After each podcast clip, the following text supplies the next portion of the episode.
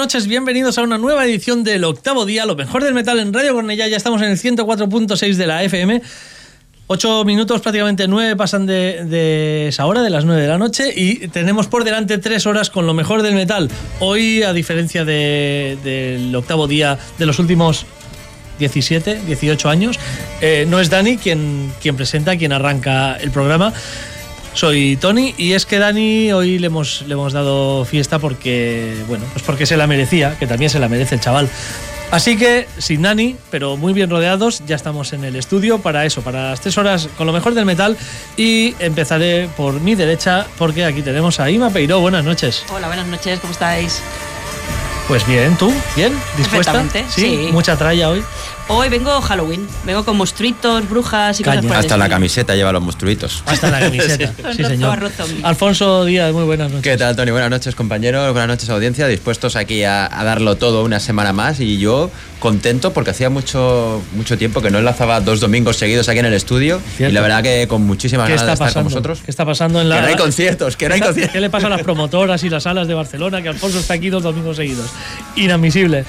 Y al mando de todo esto, llevando las riendas, Xenia Sensadik. Buenas noches. Buenas noches. Hombre, hoy al mando no. Hoy ahora mismo tenemos a Kiko, al que también saludamos y que también sabemos que escucha algo de metal, power rido sobre todo. Entonces, No, le hace ascos estar aquí entre nosotros. Y va, por último a por Kiko, pero bueno, aquí mandas tú. Por mucho que Kiko toque los botones, lo que Xenia dice es lo que va a misa.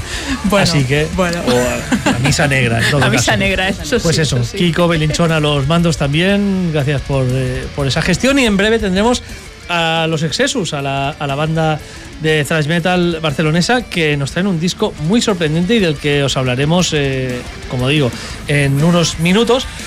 Pero Xenia, ¿con qué hemos empezado hoy? Pues hemos empezado con unos canadienses que ya presentamos aquí en el octavo día, era un par de temporadas, si no recuerdo mal. Ellos son Osiron, una banda que como habéis podido comprobar, pese a que la venden como para fans para The Dream Theater, Into Eternity, un poquito así, yo discrepo bastante por mis pocos conocimientos al respecto y me suenan más a Tesseract, la verdad más que a esas dos referencias.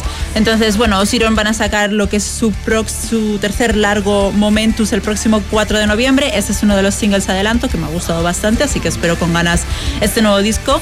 Y es un disco que se va a centrar eh, sobre estas emociones y batallas que todos hemos lidiado durante estos meses pandémicos. Creo que es un tema bastante recurrente en los nuevos lanzamientos, por lo menos por lo el setlist que traigo hoy. Así que entiendo que es normal que vaya a ser un tema recurrente para muchos músicos que han compuesto durante esos momentos, pues buenos, de altibajos y complejos. Y también se centran muchísimo en lo que es la historia y la cultura humanas, cómo se reescribe, si es verdad o no. Bueno, un poquito filosóficos se ponen también estos Osiron. En este caso, aparte, hay la colaboración de Percival Schuttenbach de la banda polaca de folk metal eh, que no me ha notado. no, se llama así, eh, se llama así la banda. Él es, eh, tiene mucho ego. Me, pareció un nombre un poco raro para una banda. sí, sí, tiene mucho ego y el Percival Schuttenbach, su banda, pues se llama como él. Y hacen folk metal polaco, que no los he escuchado. Mm, la colaboración no me parece nada folk, pero bueno, mm, indagaré a ver qué, qué más. Así, así hemos empezado. Muy bien, pues no he visto la parte de Infiater, un poquito la Eternity quizás sí, pero habrá que indagar más. A mí me suena mucho más a Tesseract. Hay, sí, hay extractos que me parecen 100% Tesseract. Sí, puede ser. Eh, Alfonso, ¿Qué nos traes? Sí, bueno, pues yo creo que hemos dicho que esta, esta noche tenemos noche de thrash metal con invitados, ¿no? Y yo creo que vamos a ir calentando un poquito el ambiente. ¿Vas a pinchar thrash metal? ¿Me estás diciendo que tú, Alfonso, vas a pinchar thrash metal? Sí, Tony, hoy para salir de mi zona de confort. y porque yo sé que la gente lo está esperando, vamos a pinchar un poquito de, zapatilla. Y como sabéis, pues a mí me gusta, evidentemente me gustan los grandes nombres, las bandas clásicas, los grandes tótems de la escena, pero también me gusta pues chafardear por el underground, buscar grupos y traeros aquí cositas que cuanto menos creo que son interesantes y que merecen bastante la pena. Así que esta vez vamos a irnos hasta, hasta Estados Unidos y vamos a hablar de una banda que se llama Seax, no sé si los conocéis, si os suenan. Yo creo que son bastante de picar piedra. No sé la audiencia si los tiene en mente. Pero bueno, es una banda que desde que empezaron en el año 2009, pues su requisito principal era pues, ser como las grandes bandas de heavy metal clásico. Muchas influencias de Judas Priest, muchas influencias de Iron Maiden. Pero bueno, lo que decimos, ya empezaron a tocar y poco a poco pues dijeron, oye, esto lo hacemos bien o nos gusta, pero yo creo que lo que tenemos que hacer es meterle caña al asunto. Y entonces, pues nada, empezaron ahí a meterle zapatilla al asunto y bueno, y sus discos tienen títulos tan descriptivos como High on Metal, To the Grave, Speed Metal Manía, o sea, con lo cual creo que no hay muchas dudas de, de que van. O sea, lo suyo es lo que hay y punto. Eh, sí que es verdad que hace lo que les da la gana porque son de sí que se han quedado con la filosofía esta británica del do it yourself de la New Wave of British Heavy Metal, o sea que hacen lo que les da la gana, lo publican cuando les da la gana y suenan como un cañón. Eh, su último disco se llama Speed Inferno y salió a finales del pasado mes de septiembre. Como os digo, eh, es totalmente underground, a mí me ha volado la cabeza y yo creo que para que todos los descubramos, pues qué mejor que escuchar precisamente el tema que le presta título a este cuarto álbum de los americanos Seax, Speed Inferno.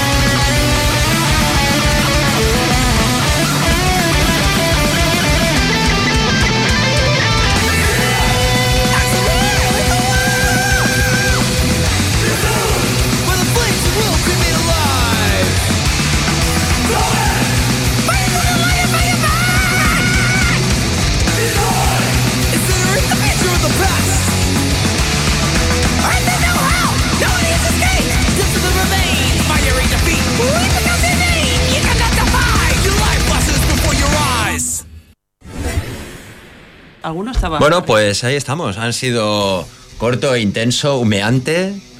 A mí me gusta mucho, ¿eh? Humeante, tú lo has dicho. Yo esto me lo imagino con mucho humo Y, en y directo. hablábamos aquí con Inma micro cerrado. Esto es de ahora, sí, esto es de ahora y es un disco aparte a, a la vieja usanza. Son poco más de 35 minutos, nueve temas a piñón, a cuál más rápido, cuál más veloz. De estos chicos de Massachusetts, que bueno, que si no está Dani, pero si estuviera por aquí ya habría visto las fotos, que evidentemente parches, cuero, tachas, cinturones de balas y otros que no pasarían en el control del aeropuerto, seguro. De Keep It True, Poding y, y festivales así, ¿no? Esto trus, trus Claro, con, con. V. Claro, están guapos. Y decirle por si a alguien le interesa, pues que el disco sale con el sello Iron Shield Records. Bien, bien. De manual total, o sea, estaban estupendos. Velocidad, grito, muy guapo, muy guapo. La verdad que me gusta mucho. Ya me toca a mí. Oh, qué bien, así de rápido. O, o Perfecto. quieres tú, Tony. No, no, va Inma, va Inma. No, vas tú. vas No, vas tú, vas tú. vas tú. Deja pelea, No pelea. tengo nada preparado yo. Bueno, pues yo el primer grupo que os quería pinchar, como decía, vengo un poco modo Halloween hoy y pues voy a pinchar todo te- temas que tienen que ver con, con un poco el mundo de los monstruos, las brujas y este tipo de cosas.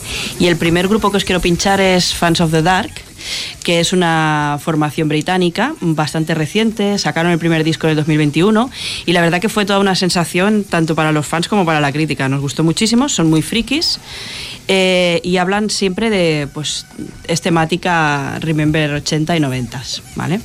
Eh, en concreto ellos se centran mucho en las películas de VHS y en concreto en el cine de terror de esos años, con lo cual, pues... eh, Pero terror en plan tipo como los de serie B y serie Z o más elaborado. No, no, del malo, del malo. Del chunguero. Bien, bien.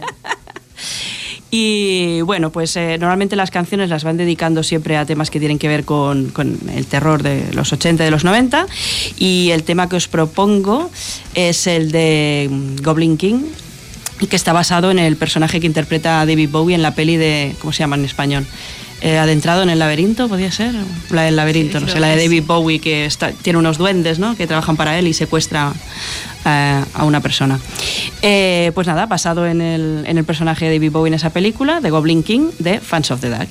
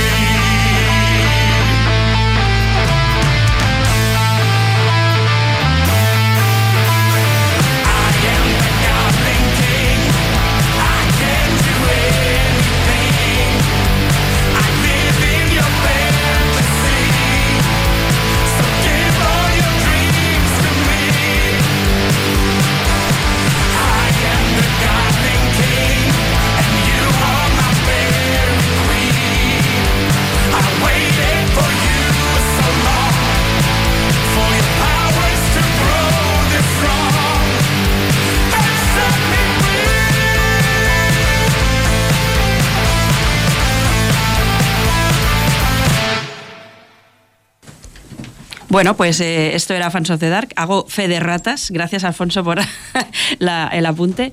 eh, que no son británicos, que son suecos. Que empezamos ya con los putos Malditos suecos. suecos. la, la primera en la frente. Eh, he buscado, la película se llama Dentro del laberinto en castellano y es del año 86. Y por si a alguien le interesa, dirigida por Jim Henson. Bueno, la banda está formada por el batería. de los teleñecos. Sí. Hostia. Sí, porque llevaba muchos, no sé si te acuerdas de la película, pero eran todo como Muppets. No recuerdo la película. Eran todo marionetas.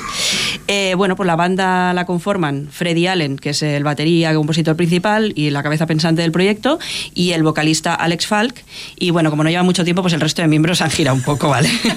Pero bueno, como acaban de pasar a las manos de Serafino, pues no sabemos lo que pasará en el futuro. Igual vuelven a girar miembros. Bueno. Igual acaba cantando Ronnie Romero, no sabemos. Está por bien. Tiene toda la pinta. Apúntate esto porque ya sabes que aquí hay Eurovisión del metal. Quizá, no lo sabemos. El sorteo manda, te toca representar a Suecia, no lo sabemos. Yo ¿eh? espero que no. El sorteo Porque manda. yo quiero votar por Suecia. Si me toca Claro. Suecia, no lo el puedo votar. sorteo manda y ya podemos confirmar que va a ser el domingo Ahí- 15 Aquí está, de mayo. Sí, está el criterio de, de los colaboradores del octavo día. Quiero votar a Suecia, no he escuchado el tema, no sé, da pero igual. quiero votar a Suecia. Son buenos, hagan lo que hagan los suecos. Ya lo sabemos. Este año voy a pedir boicot. ¿Sabéis quiénes son buenos, hagan lo que hagan también? Pues os lo vamos a enseñar ya porque tenemos aquí a media, a la mitad de Exesus, al 50% de, de la banda catalana, que nos presentan su segundo trabajo, a Synapse. Y vamos a escuchar un poquito el tema que, que a mí más me ha gustado, sin, rodeos. El cuarto corte se llama Paths. Enseguida hablamos con Exesus.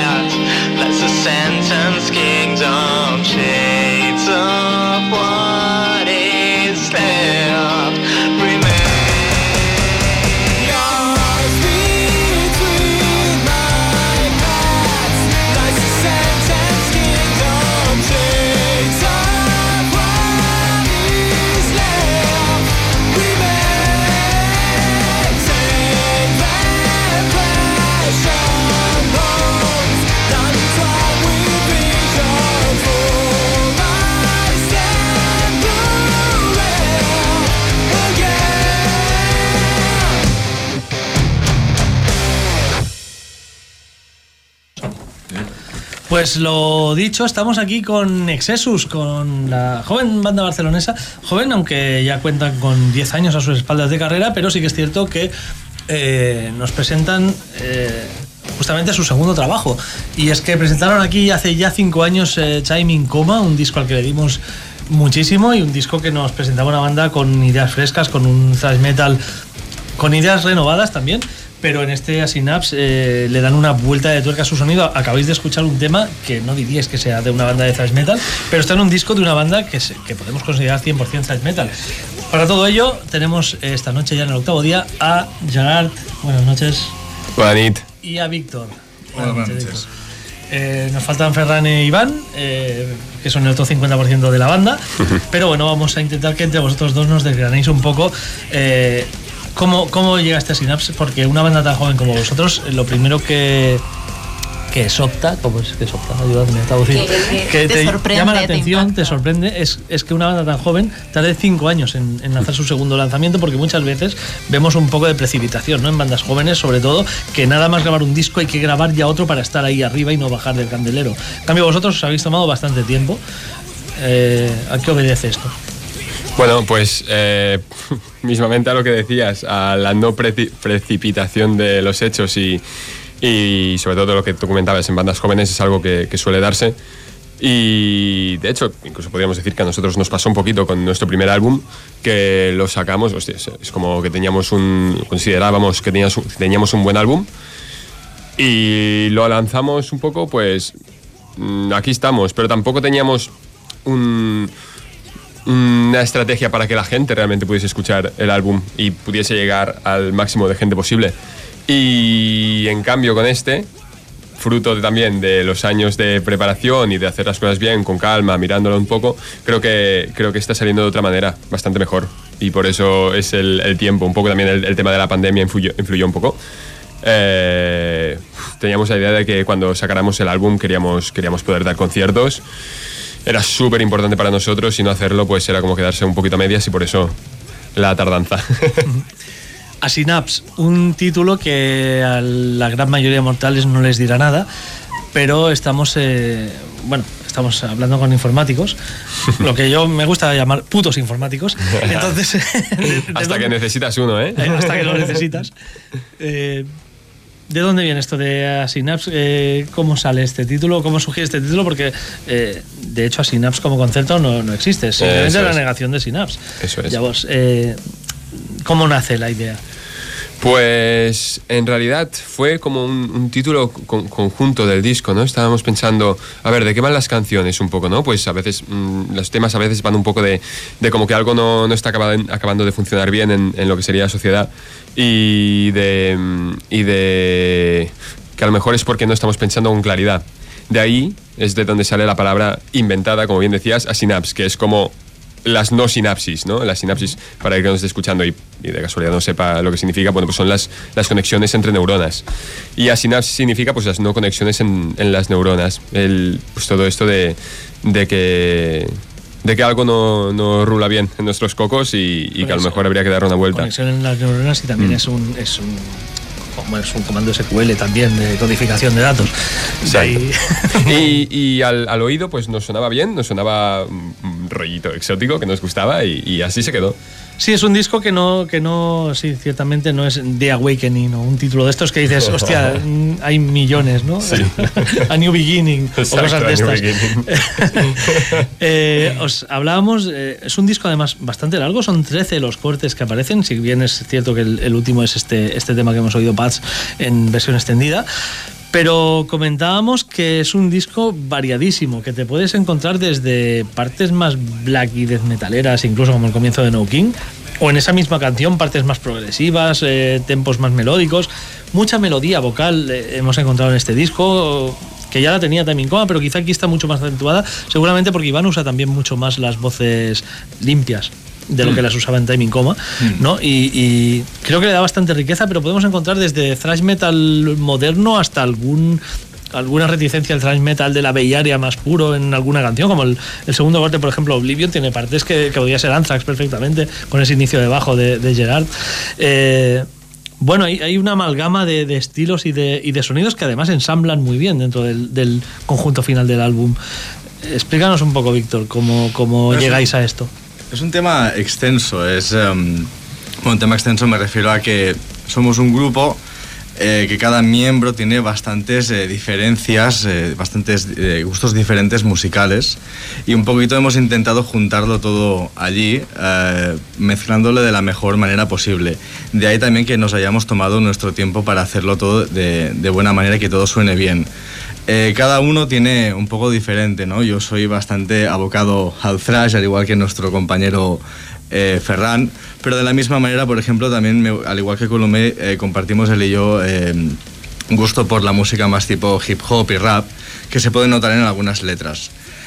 Y bueno, pues juntando un poquito todo eso, Iván, por ejemplo, es muy predilecto, muy predispuesto del progresivo, del metal un poquito más eh, modernete, como por ejemplo Trivium, por dar un ejemplo así eh, que se conozca.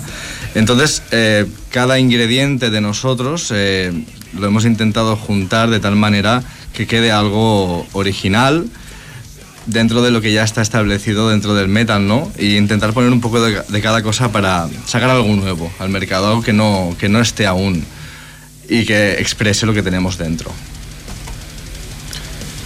Me da la sensación, quizás, corrígeme, que vuestro primer disco eh, era un poco decir, nosotros somos una banda de thrash metal.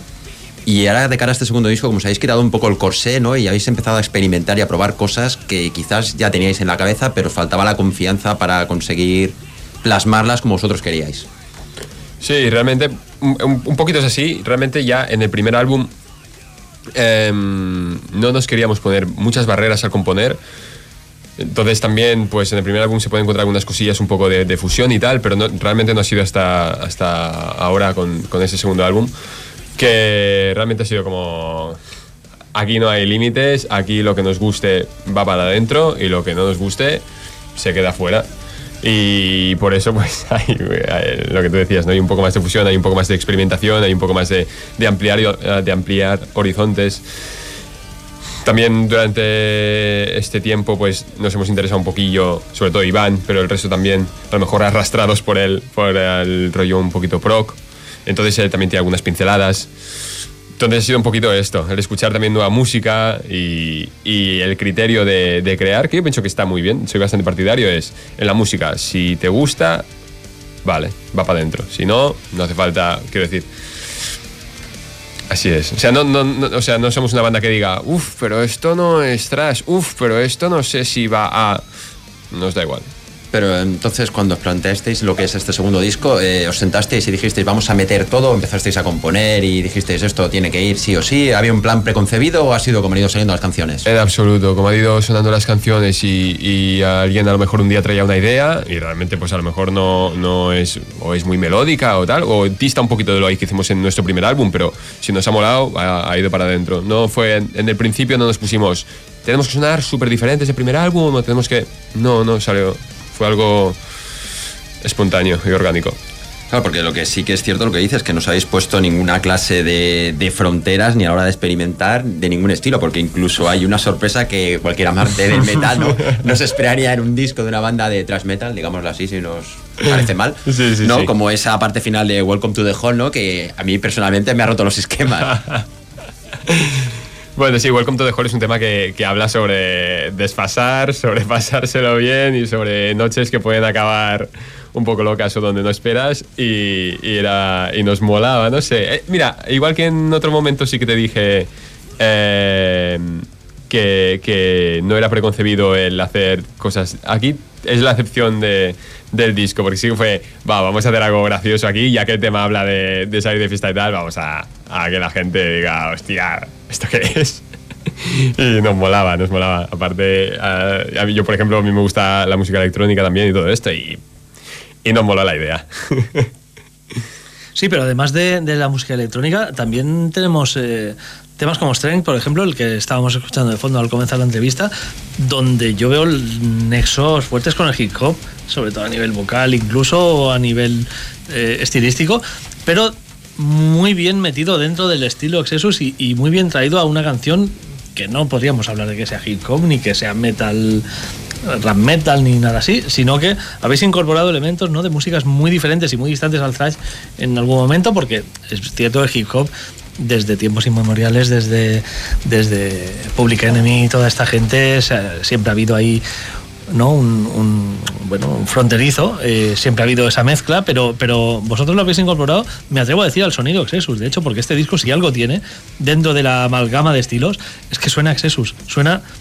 Es, la dificultad creo que está en hacer un disco tan variado y que todas las canciones sean reconocibles en vuestro sonido. No sé si estáis un poco de acuerdo y, y, y dónde viene ese ramalazo hip hopero que creo que es Víctor, ¿no? El un poco culpable de- del tema. Un pelín, sí. Eh, sí, mis influencias en este género van mayormente, al menos bueno, en los inicios, cuando eh, me adentré, el grupo Linkin Park, me imagino que será conocido por todos, el, el- el rapero de la banda, Mike Shinoda, que tenía, y no sé si aún lo sigue teniendo, ¿no? La verdad es que le he perdido un poco la pista, pero bueno, eh, otra formación de rap hip hop llamada Fort Minor, que me encantó en mi adolescencia, me, me flipó, dije, wow, me gustó muchísimo. Y bueno, si alguna vez os eh, miráis un poco los temas de esta banda, veréis que tiene un, un rap, un, un hip hop marcado, eh, crudo, contundente. Eso, mezclándolo con un groove eh, de, de Pantera, por volver un poquito a la rama metal, sale un poquito canciones como esta, como Strength, que, que es pesada, a más no poder, contundente y que luego de una parte súper heavy nos vamos a una parte súper trayera. Sí. Eso es un cambio... eh, Es que hasta el título es Pantera, Sí. Strength, es, es muy Pantera, ¿cierto? un poquito así va la cosa, por mi parte al menos. Yo sí que quería aprovechar ahora que comentabas aparte de Mark Shinoda aquí, una fan de Linkin Park y, de- y le seguí también, sí, sí, te entiendo. Pero sobre todo a la hora de escuchar el disco y de, de escuchar ahora vuestros comentarios al respecto, no sé si vais a estar de acuerdo o no, ¿eh? pero digamos que antes en los 80, 90 estaba muy marcado todo el tema de las tribus urbanas, ahora mismo se llevan los aesthetics, lo cual las nuevas generaciones les da igual el género musical, lo que les gusta es la música, entonces yo os escucho hablar, y pese a que no nos llevamos muchos años, pero nos llevamos unos cuantos y siempre esto se nota, no sé si estáis en esa fase de lo, en plan, bueno, pues que me da igual, es que no, no, igual que habéis metido esa parte más electrónica, la parte más rapera y demás, es en plan, es el futuro, digamos, de la música, ¿no? De cómo cree... O sea, para mí este disco es como una propuesta de estamos avanzando hacia esta dirección, cada vez la sociedad está avanzando en no encasillarse y en disfrutar sin tener en cuenta las, las etiquetas. Y eso a veces es también complejo de cara a luego pues poder promocionar el disco, ¿no? ¿Quién os va a hacer el management si lleváis o la promoción? Entonces, no sé si vosotros lo vivís en vuestras propias carnes, este, este cambio. A lo primero, me parece una reflexión súper acertada y real. O sea, creo que a lo mejor. No sé cuántos años tienes tú, Xenia, pero. Alguno más que tú, no muchos, Puede ¿eh? ser. Porque con Ferran y yo íbamos a la universidad a la misma vez, solo que creo que él al grado y yo al máster, pero coincidíamos por ahí. Bueno, no, es, es- es que es cada vez más real. Yo creo que incluso en el mundo del metal está pasando bastante, que, que la gente no, no sé por qué, no se, no se encasilla o, no, o ya no tiene este pensamiento tan, tan de solo escucho metal y solo quiero escuchar metal. Que el que lo haga me parece, me parece perfecto, ¿eh? Pero, pero realmente sí, yo creo que se está perdiendo mucho esto de- del que escucha hip hop, escucha solo hip hop, el que escucha eh, máquinas solo escucha máquina, y escucha metal solo escucha metal. Yo me encasillo en este grupo, pero también es verdad que si hay algo que... te- porque he pasado por diferentes eh, géneros y a veces me aburro un poco, pero el que no se aburra y pues para adelante toda la vida si hace falta, o sea, no- ningún problema. Pero bueno, yo creo que la, diversifica- la diversificación está bien.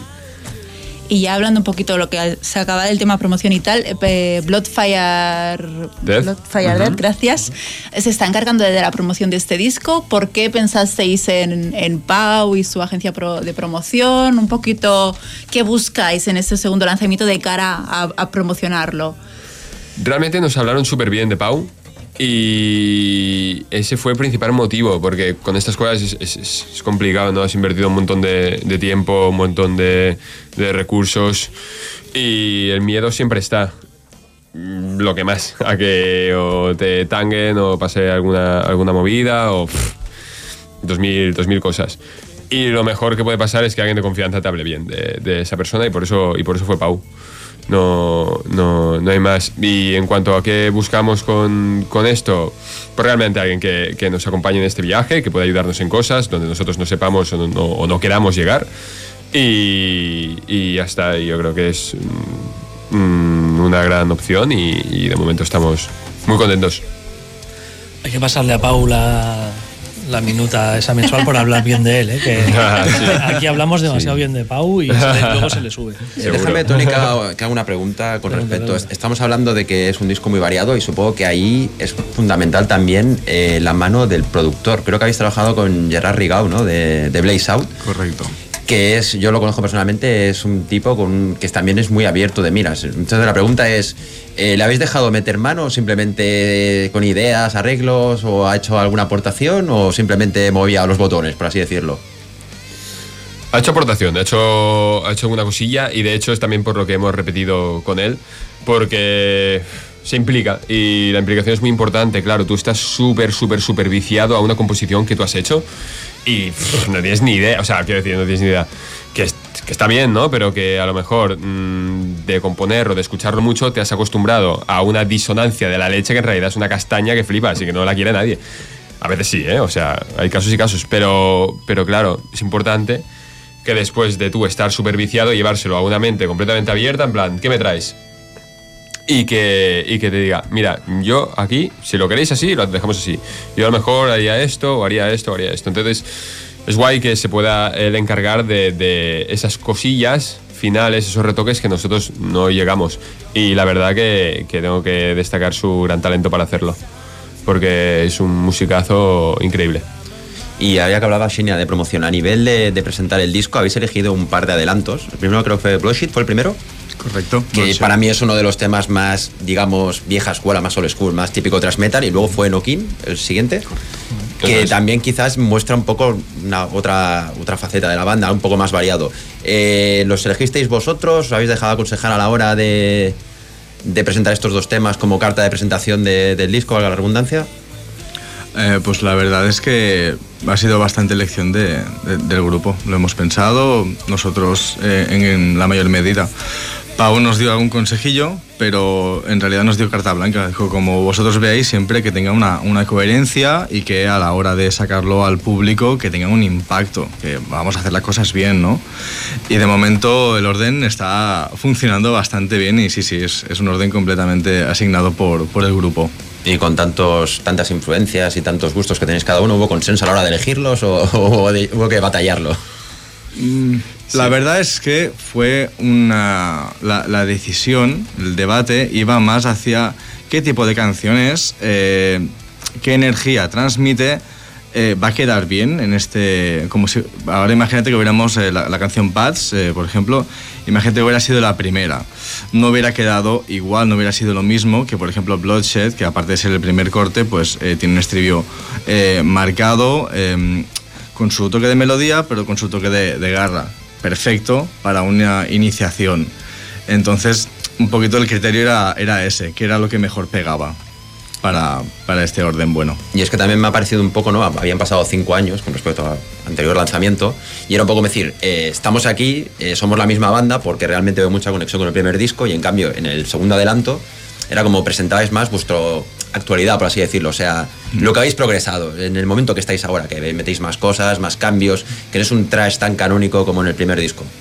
Exacto. Sí, ahora sí, eh, es, es- es cierto, hay ciertos cambios, pero eh, creo que es importante, por esto que mencionas, para entender el segundo álbum, escuchar el primero. Porque los inicios es lo más importante y a veces sin ver la segunda peli, ¿no? Si te vas a ver, yo qué sé, eh, si ves La Casa del Dragón a lo mejor no entiendes nada. Si no has visto Juego de Tronos, pues con con lo mismo pasa con, con nuestra música. Si, si no has escuchado el primero, a lo mejor no se aprecian los cambios en el segundo y tal. La verdad que en nuestro primer disco nos estamos súper contentísimos de, cómo empezamos. Nos pareció un súper buen álbum y, y eso, que a lo mejor para escuchar el, el segundo bien pasarse por el primero. Pues está bien pasarse por el primero. No os vamos a hablar de letras porque no está Iván, que es el máximo responsable y culpable de, de los temas líricos. Sí que os vamos a preguntar un poco por el artwork, básicamente no porque me interese, sino porque Gerard me ha dicho pregúntame por el artwork. Entonces, ¿Qué es esto que estamos viendo? Tenemos esta portada que eh, puede parecer un meteorito, un planeta, una roca, una nave. Es una nave. Es una nave. Es una nave. Es una nave, es una nave. ¿De qué va esto? Vale, pues hay una, es una especie de, de conexión entre lo que sería mm, estar dentro de una psique, estar dentro de una cabeza, de un cerebro, y hay una relación con, eh, estéticamente, también pintarlo de mm, con un rollo espacial, ¿no? Como que estás realmente en un espacio, en, un- en una... En una... ay, no me- En ¿cómo un universo, ¿no? Sí, sí, sí, sí. La Vía Láctea que era. ¿Galaxia? Eso, galaxia, no me salía. y jugar un poco con esta estética, ¿no? De estar dentro de un cerebro y conectarlo con un, con un espacio también relacionado con el rollo a veces que puede tener el álbum de futurista y tal, ¿no? Entonces queríamos darle una, una estética muy, muy, muy de este palo. Y bueno, en la, en la portada, para el que la haya visto y el que no la pudiera ver, que está en nuestro perfil Instagram, Facebook, donde sea, eh, hay como esta especie de... de En Spotify. Si pincháis el disco en Spotify, que está subido a Spotify, también, ahí tenéis la portada. Hay como esta especie de. que parecen, pues, yo qué sé, como, como nebulosas y tal, pero no, son las, las neuronas, son las, las sinapsis de las que hablábamos.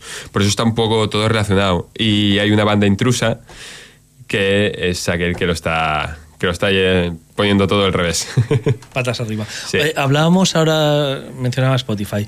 Eh, desde que sacasteis Timing Coma hasta este, en estos cinco años, ha crecido, no digo muchísimo, sino a, a niveles infinitos casi, el consumo de música a través de este tipo de, de aplicaciones de streaming. Spotify, iTunes y demás, lo vemos incluso nosotros. El octavo día se consume casi más, ¿no? Sí. Por, por, Por Spotify. por Spotify que, que por cualquier otra plataforma. Eh, ¿Cómo se afecta eso a nivel.? Bueno, supongo que la, la tirada física del disco, desde luego, tiene que ser bastante menor mm, de lo que sería hace 5, ya no hablo de 10 o 15 años. Eh, no sé, a vosotros a nivel vuestro como banda, co- cómo os afecta el cambiante mundo de, de cómo consume música la gente. chin, chin, conflicto. Complicado. Uf, ha habido mucho. A ver, ¿cuánto tiempo tenemos? no, es broma. En dos minutos tenéis que estar fuera. Sí, sí. Eh, a ver, por ser breve, no lo tengo claro. No lo tengo claro en- si, en- si es positivo, negativo. antes a lo mejor si no tenías... eh, antes digo, hace años cuando todo lo del CD pues era... Antes a lo mejor si no tenías, si no conocías a eh, el tío que conoce a... Estás jodido. O sea, no sonarás en la radio en tu puta vida. O sea, jamás. Pero... mm, también pues eso, ¿no? Se vendían más CDs, la- a lo mejor la industria era un poco más rica, era un poco más potente. No sé, tengo dudas. Ahora sí que es verdad que hay una suerte que es que ahora lo que funciona es sobre todo la autogestión, ¿no? Y, y la posibilidad que tiene uno mismo de, de, de, mira, si quiero, puedo. Ni que sea intentarlo. A lo mejor antes pf, es que no salías ni de tu casa si no conoces a, a tu primo que es mm, productor. No lo tengo claro. Bueno, lo que sí tenemos claro, y vamos acabando, es que queréis presentar esto sobre las tablas. ¿Tenemos alguna fecha ya cerrada, en ciernes, a punto de... No podéis decírnosla, pero la tenéis. ¿Cómo está el tema de los directos? Eh, bueno, podemos Que Alfonso deciros. tendrá ganas de veros ya. Alfonso está, lo tenemos aquí contenido, pobre hombre. Te esperamos, Alfonso. Vamos ya. Pues sí, tenemos una fecha, entre otras, pero tenemos una que sí que os podemos decir muy orgullosamente, con mucha alegría, que es el 10 de diciembre en Sala Bóveda. Apertura de puertas a las 8 de la, de la tarde. Eh, nada, nos la ha conseguido eh, Pau, lógicamente, muy contentos de, de tener esa fecha antes de acabar el año. Y bueno, tenemos unas ganas impresionantes. ¿Solos o compartiendo cartel? con- compartiendo, ciertamente, que se me olvida y no, no debería olvidárseme, de nuestros amigos Red Elm, que por cierto al señor eh, Bubu y a Dani les mando un saludo desde aquí, que los conozco desde que empecé a tocar yo en la escuela, compartíamos eh, escuela. Y nada, pues eh, estaremos con, con ellos, serán ellos los eh, encarga- encargados de cerrar la velada y nosotros de abrirla. Fantástico. pues eh, nos veremos en bóveda. Cuando vayáis teniendo, nos vais enviando los mensajes de las fechas para incorporarlos en, en la agenda y que, y que podáis llegar a cuanta más gente sea posible.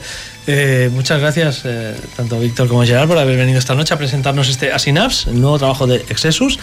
Y si te parece, Kiko, vamos a escucharlo un poquito más y despedimos a Gerard y Víctor. Lo dicho, gracias y estáis en vuestra casa. A vosotros siempre. Muchísimas gracias.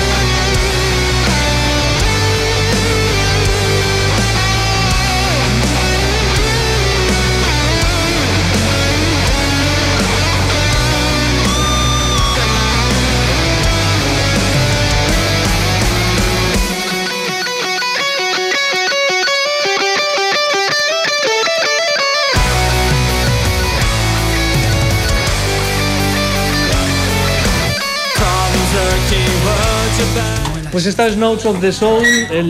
este es el tema que. El tema largo del disco, además, un tema que va creciendo, un tema que, que no empieza en el thrash metal, pero que sí acaba en él.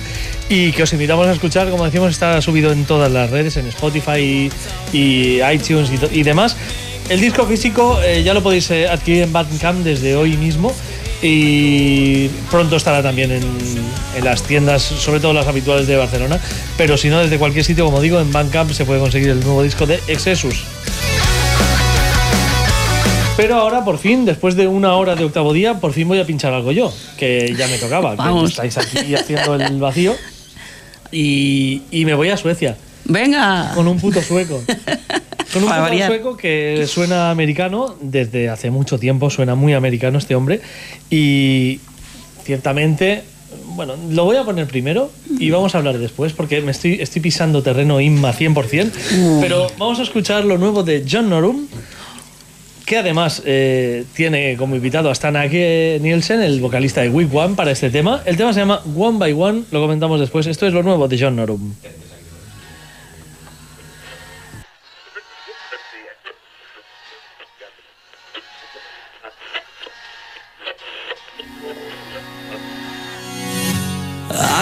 Miss you anymore. The feeling's gone, won't kill the pain. There's a time, can't stand up to you. Ain't throwing stones at your window. So I can bring us back to life. Live the life,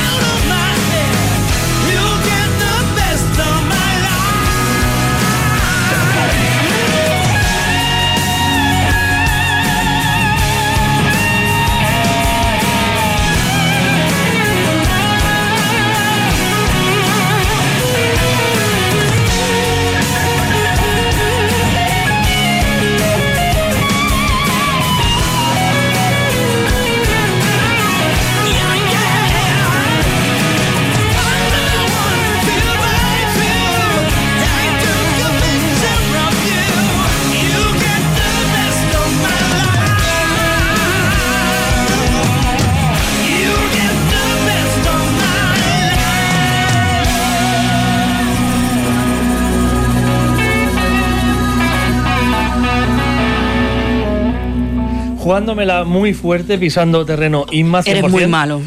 Tú eres muy malo. Totalmente. Eh, one by One es el, el tema que, que, bueno, que he escogido desde este nuevo trabajo de, de John Norum, en este caso con, con Ash Sten Nielsen, como os decía, el vocalista de, de los noruegos Wigwam, aquellos que estuvieron a punto de participar en Eurovisión también. eh, Cierto. En aquel, eh, hace unos años. Y hace unos años, y la verdad es que nuevo disco de John Norum, muy orientado eh, nuevamente pues a ese hard rock más americano, eh, que, que no escandinavo, que no nórdico. Cosa que también hace con Europe en los últimos trabajos. Es un hard rock más americano para ser una banda sueca. Pero a mí, además, esta canción es que me recuerda muchísimo a los discos en solitario de Michael Sweet. No sé, Inma, si. Ah, hostia. Jolín. Pues no, no Eh, lo había pensado, pero sí, sí, sí, el- tienes toda sobre la razón. todo el estribillo me, me ha recordado un montonazo a aquellos primeros discos de el Real Truth y el primer disco sin nombre de, de Michael Sweet, sobre todo el estribillo, Sí, ya bueno, digo. verdad. Eh,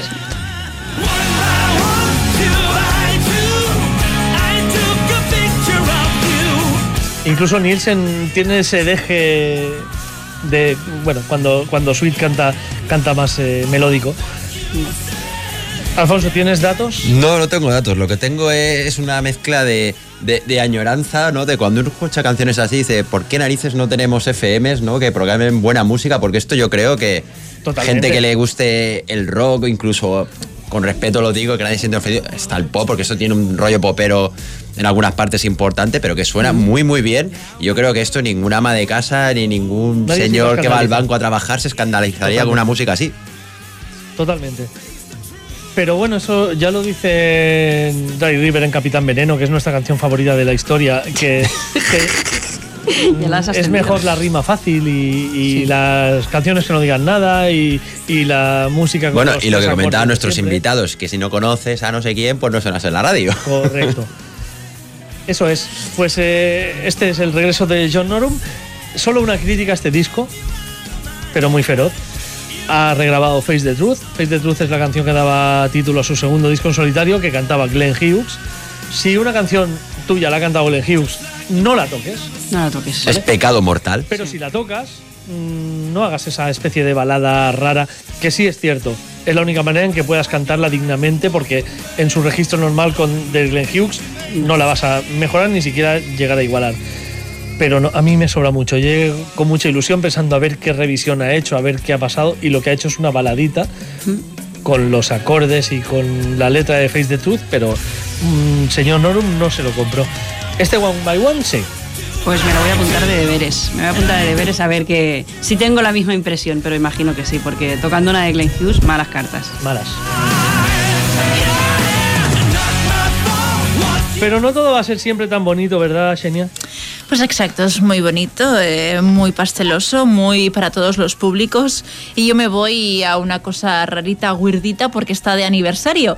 Y es que el pasado 27 de octubre se cumplieron 25 años, atención, de lo que fue La Mascarada Infernal, ese segundo largo de Arcturus, una banda que forma parte de los pioneros de lo que luego ha sido el metal más vanguardista dentro de la parte del metal extremo, que siempre han sido los que han ido, pues, siendo más weirditos que los heavies powerridos. No vamos a contar a los progresivos porque esos son aparte. Hace falta ya mismo diccionario Xenia octavo día, octavo Sí. día. No, bueno, Xenia gorditos, poweritos. Es que creo que hace falta diccionario Xenia con el mundo, porque no eres el primero que me lo dice y, y cuando no hablo de metal también la gente me pide un diccionario para entenderme. Entonces creo que el problema lo tengo yo. que no sé, tendría que haber sido filóloga y, en vez de, de lo que hago en mi día a día. Es posible que. Arturus, además de ser muy pioneros, sobre todo en estos sonidos, en mezclar metal con sonidos weirditos, como tú dices, es posible que sean también pioneros en el tema de, de- de bandas colaterales, porque en los años 90 cogías cualquier Sí. proyecto de black metal o similar y featuring members of Arturus y otras bandas, pero de Arturus siempre, Siempre había alguien. alguien. Es que ha estado mucha gente. Aparte, en este disco ahora tenemos a Simen, ¿no? Pero en este disco estaba Garm, bueno, Christopher Rick, de, que eh, forma parte de, de Ulver. Entonces, y Ulver, lo que ha hecho Ulver también, ¿no? El cambio que ha hecho Ulver de, de por sí. Entonces, eh, sí, yo Bueno, creo que es una de esas grupo, bandas. es eh, grupo. sí. Ulver, el Ulver inicial al de es otro grupo. Yo soy pro fan última época, Yo pro- pero yo pro primera, Lo, lo claro. sé, lo sé, soy consciente, pero que vamos, que es, es decir, al final estamos hablando de gente como tú bien dices que sigue en activo y sigue participando en mil proyectos pese a que tengan los suyos propios y que siempre están, son un culos inquietos, están siempre para arriba, para abajo con una, dos o, o- o más bandas. En este caso, como digo, hacen 25 años de La Máscara Infernale, para mí uno de sus mejores discos y me ha sido muy difícil escoger la canción, pero al final he pensado, va, Xenia, vea lo básico, vea lo fácil, vea una de las canciones que siempre tocan en directo, que Simen, pese a que no estaba en este disco, la defiende muy bien el día que está no borracho, porque cuando está borracho pega unos gallos el amigo, vamos, es lo que tiene, ¿no? El alcohol que, bueno, eh, Simen, el, el osito Simen, un tío de dos metros alto, que es, que es un, totalmente un amor, y vamos con ese de Caos Paz.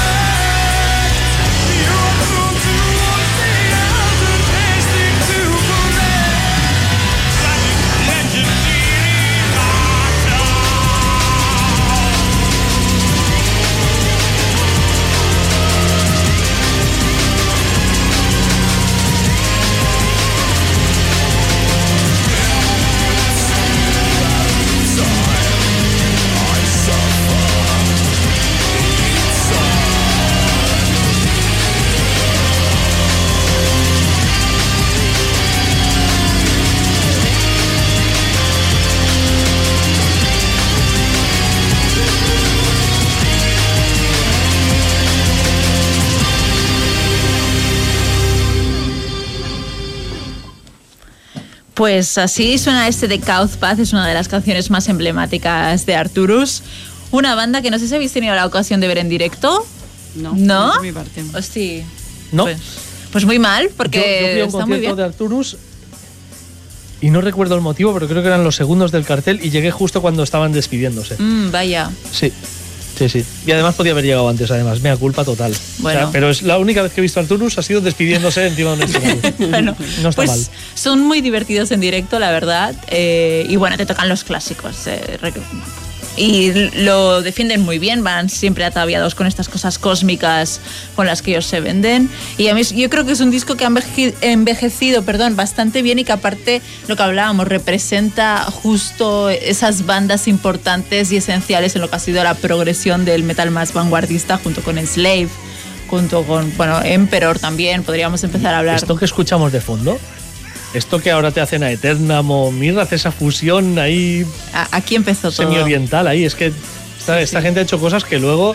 O sea, recuperar un disco de Arturus es un ejercicio buenísimo porque escuchas cosas de bandas que estás escuchando ahora que, hostia, hace 25 años estos tíos ya lo metían aquí. Sí, sí, y ahora nos parece súper innovador, pero es que vas para atrás y dices, hostia. ¿Y en los directos qué instrumentos suelen llevar esta gente? No, va batería, Van- bajo y tal, y hay grabación y, y bueno, y Simen, alguna ayudita vocal alguna vez lleva algún efectito, pero se sabe, como decía, que si, si está en, a- en forma o no está en forma. Eso sí, divertido es, porque es un, yo creo que es una persona bastante divertida, porque he tenido suerte de verlo fuera del escenario y revisarlo un par de veces y tal, y me parece una persona bastante divertida y no sé qué, tal y como lo que transmite en su música a la hora de cantar, ¿no? Estos juegos que hace a nivel, bueno, aquí no hace él a nivel vocal, los, los hace Garm, pero que él ahora mismo Simen en directo sí que te lo sabe hacer. Es- esas, mm, yo qué sé, como si estuviera en la ducha ahí eh, haciendo un poco el payasete, pues eh, te, te lo hace súper bien el día que, que va sereno y controla muy bien su voz. No sé. Pero no, no llevan nada sin ningún instrumento fuera de lugar que haga estos sonidos ¿no? que, que aquí encontramos. Sí, porque sonaba con un tipo cuerda, Sí, así, ¿no? Un pero poco- no, no. Van a, van a lo clásico y lo otro, pues un sampler que, que está ahí de fondo. Oye, si queda bien, si está bien hecho, también Sí, válido. sí. Yo no no tengo queja de las veces que les he visto. Pero dejemos de un lado los samples y Alfonso, pon orden. Voy a poner orden y, vamos a, a a- ligar un poquito con temas que han ido apareciendo durante la noche, cuando hemos hablado de los suecos, de Eurovisión, de Week One también, de Eurovisión. Y vamos a hablar de uno de los, de los momentos culminantes, yo creo, en cada temporada ¿no? de este programa del octavo día, que es su programa, señores oyentes, del octavo día, que es Eurovisión del Metal. Y es que voy a traer aquí... Hay fecha, hay fecha ya, ¿Hay hay fecha? fecha. Porque ya se ha confirmado la Eurovisión del Pop. Pues venga, aprovecha. Eh, y hasta esta semana no se sabía. El próximo domingo, 15 de mayo. Hay Eurovisión del Metal. Los quiero a todos, chicos, chicas, aquí en el estudio de Radio Pero es el Girona Temps de Flos. No Me da igual, eh, tienes que poder llegar a las 9 aquí para hacer Eurovisión del Metal, porque este año sí que lo vamos a hacer en directo. Este año sí podemos hacerlo en directo si no pasa nada. Ahora que sea yo la que no pueda, ¿no? Pero que podría pasar. Pero eso, el día 15. Eh, no sé, chicos, si queréis que hagamos preselecciones ahora que está de moda el Benidorm Fest y que Megara estarán representa- intentando representar a España para Eurovisión. No sé, ya lo hablaremos. golpeta internamente. Sí, sí, ya lo hablaremos aquí internamente. Yo creo que iremos directamente al grano. Pero bueno, ya está, Alfonso, ya, ya me he emocionado, ya está. Una vez metida la cuña, que espero que sea convenientemente pagada. Por mí. por la jefa. Eh, pues lo que os decía, vamos a hablar de, de una banda que participó en Eurovisión de- del metal en esta última edición y que precisamente la trajo un servidor Toma ya. eh, representando a un país como es Ucrania, que sigue metido en la realidad de, de la guerra, que esperemos que acabe pronto y que todo vuelva a la normalidad. Y estamos hablando de, de Rehabilitator, que hubo mucho cachondeo con ellos, ¿os acordáis con el nombre? Con. Fisioterapeuta. Fisioterapeuta. Exactamente. Pues esta semana me he llevado la sorpresa cuando en mi mail me llega un aviso de que van a sacar disco nuevo, de que hay tema de adelanto. Ellos habían publicado un par de, de singles, pero ahí ya tenemos eh, tema de adelanto propiamente dicho, que se llama Holy Lies, y el disco se, se llama, se llamará Mentally Defected. Y lo que más me ha llamado la atención es que va a salir con un sello español. Hostia. Quizás lo descubrieron a través nuestro, no lo sé, con Extreme. Music. Anda, con fíjate. Extreme. Casualidad. Y ese que nos siguen a través de Eurovisión, que nos enviaron un mensaje y nos siguen en redes y demás. Pero bueno, que de aquí a haberle ha hecho hablar con Rotten, ahí ya no lo sé No si a tengo tanto llegamos. pruebas, pero tampoco dudas de que ha ido por ahí la cosa. Bueno, en cualquier caso, la banda merece mucho la pena. Si alguien no los conocía o no se acuerda, pues estamos hablando de una banda que muy propicia a hacer esas baladas de 3, 4 minutos llenas de, de almíbar y de azúcar. Y lo que he dicho, si no os acordáis, vamos a escuchar el tema que va a ser adelanto del disco, Holy Lies.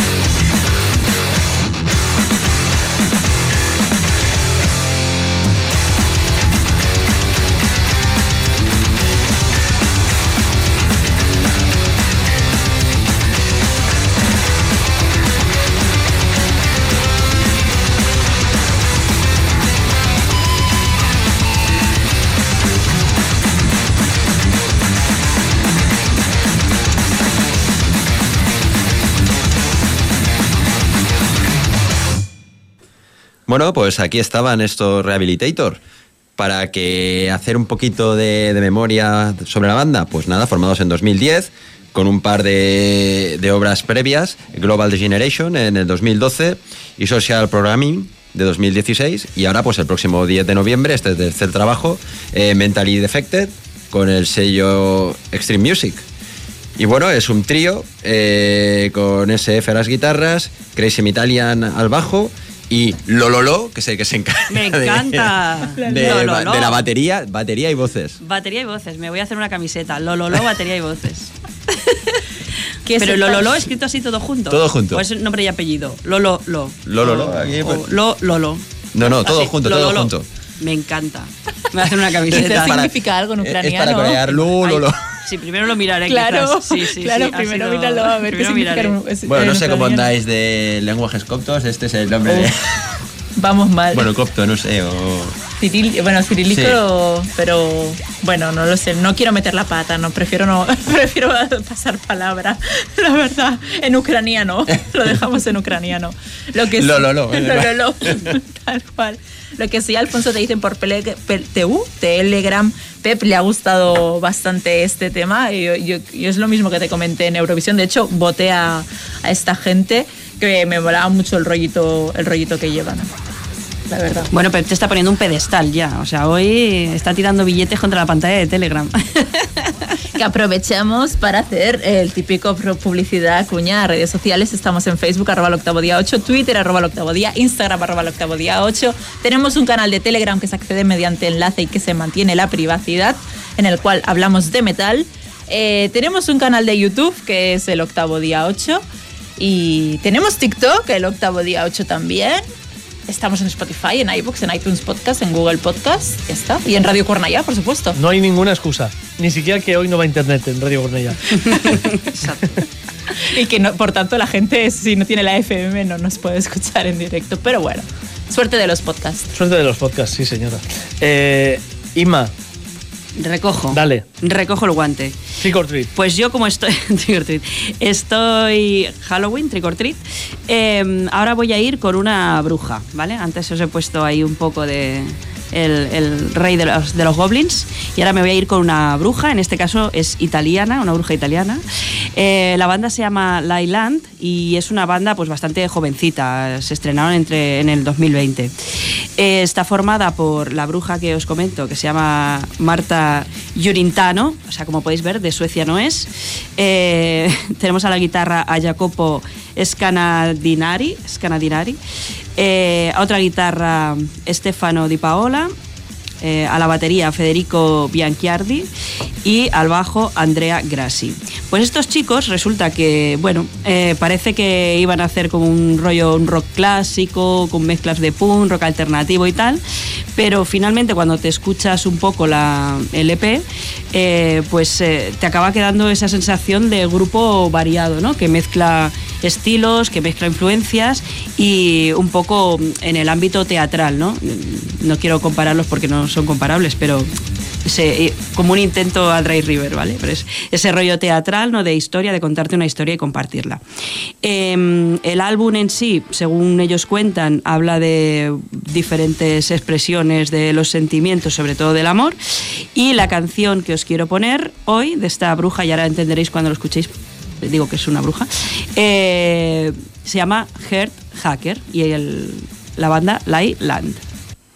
I want more than this world that just won't let you go underneath an underdog underwater. And it's you let you know, but I have to let go. You're the same, I'm the same, daddy's daughter. And I'm just like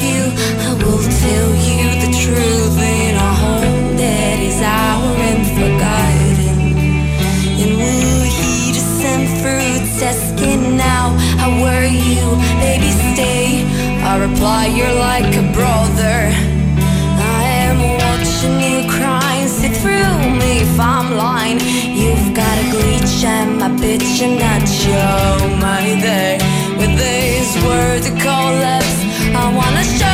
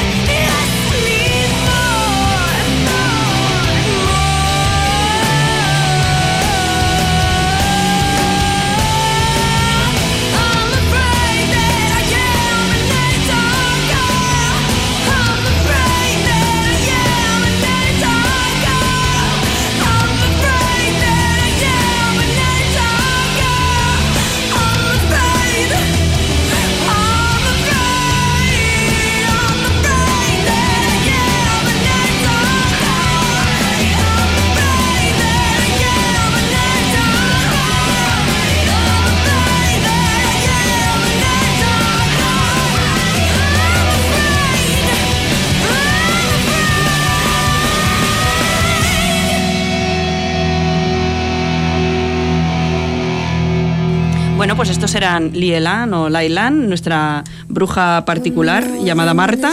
Y, y nada, pues un tema, como veis, bastante trágico, comédico. No, eh, imagino que no esperabais que fuera mucho con mi estilo. Pero bueno, es como hoy es Halloween y es un día especial, pues voy a traer cosas especiales y esta es una de ellas. La voz me ha gustado, lo que el, el género no me lo... Es una, es una canción que no me esperaba en el octavo día de escuchar, o sea, así te pones como oyente, ¿eh? En plan, luego conforme la vas escuchando dices, hostia, tía, tiene un vozarrón muy potente y encaja, pero como que el cómputo global de buenas a primeras no te encaja, pero mm, aquí en el octavo día eh, y algunos grupos que antes eran metal ahora ya a veces Tú dudas. dices que no te encaja en el octavo día, que nos traes aquí cosas raras, Ya, marunas, ya, y, y más que lo que traigo, eh, el nuevo disco de David Thousand, por ejemplo, sin comentarios, pero, pero que es algo que no me esperaba y que luego lo escucho y ha sido, hostia, pues está guay, ¿sabes? Es como... No te escuchamos, Tony. Es verdad que he encontrado. ¿No me escucháis? Un poco más alto. un ¿Ah, sí? A, a tope. Siempre me pasa, ¿eh? Me bajo, me, me puteo a mí mismo. He encontrado la, la vertiente esa teatral y no solo, como decías, por Dry River y demás, sino que le he visto cosas de Mechanical Poet. Ah. No sé si alguien se acuerda de Mechanical Poet, una banda rusa que sacó cuatro o cinco discos excepcionales y que eran teatro puro. Más que teatro eran casi cine, porque los discos eran cine, era una portada de Más cine. que Midnight Syndicate. Bueno. Del mm, rollete.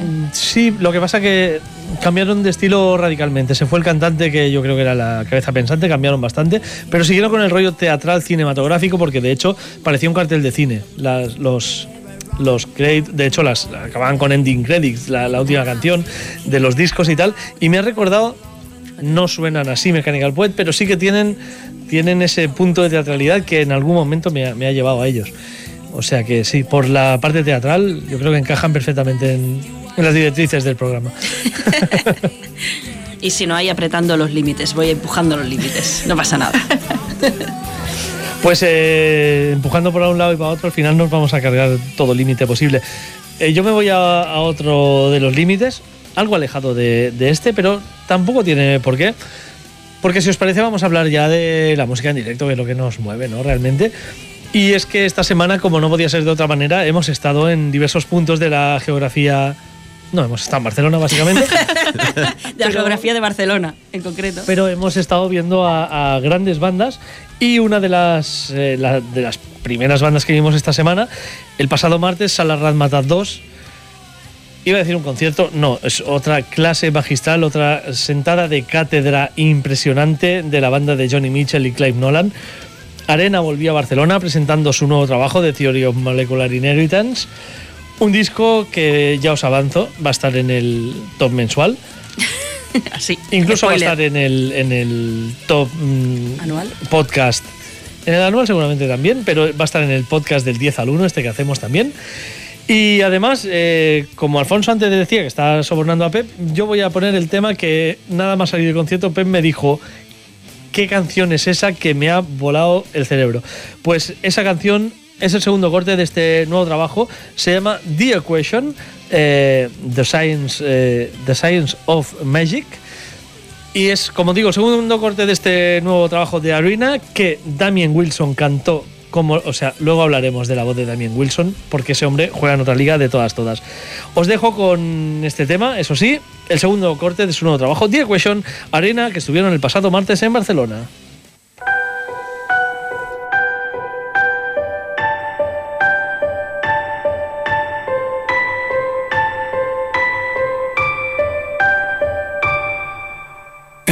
A gun to a Stone Age man, or an image caught on a video cam.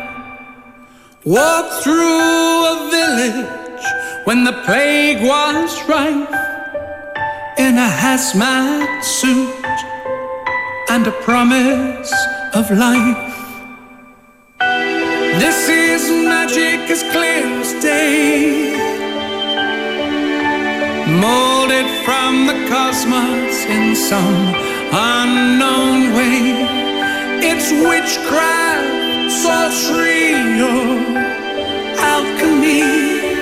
From the forces we can't touch to the forces we can see.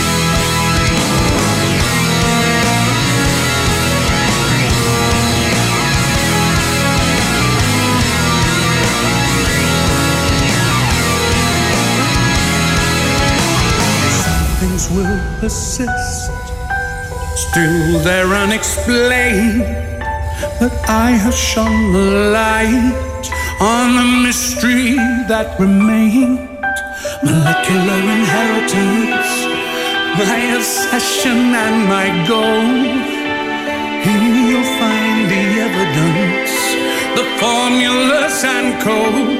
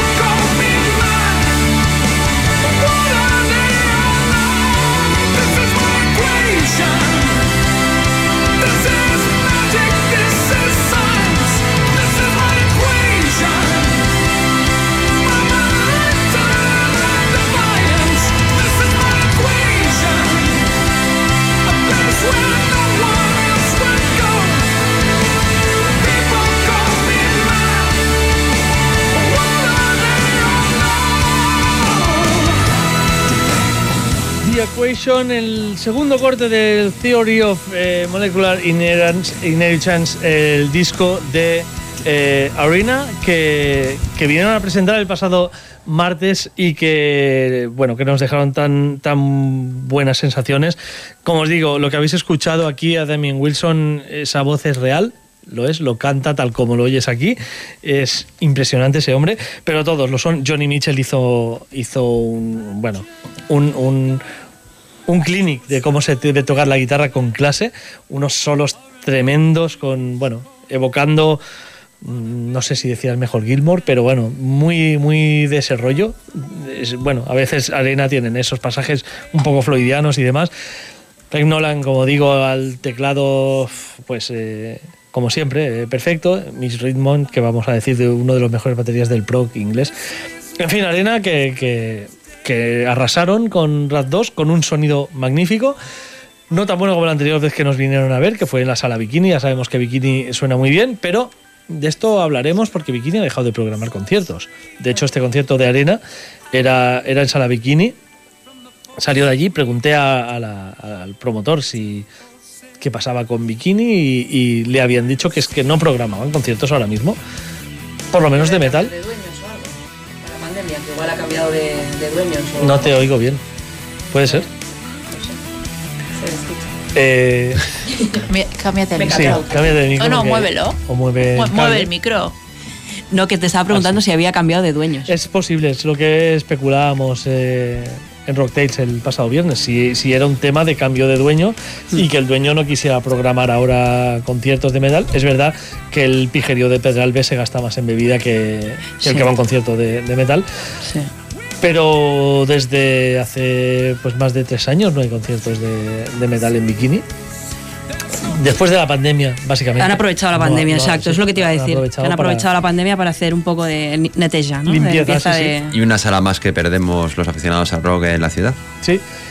La verdad es que, como digo, es una pena sobre todo porque sonaba muy bien, pero, pero por otra parte es una sala en la que yo nunca me he sentido en casa. No. Ciertamente parece que estás ahí como de prestado y ya te hacen sentirte así, como que estás de prestado.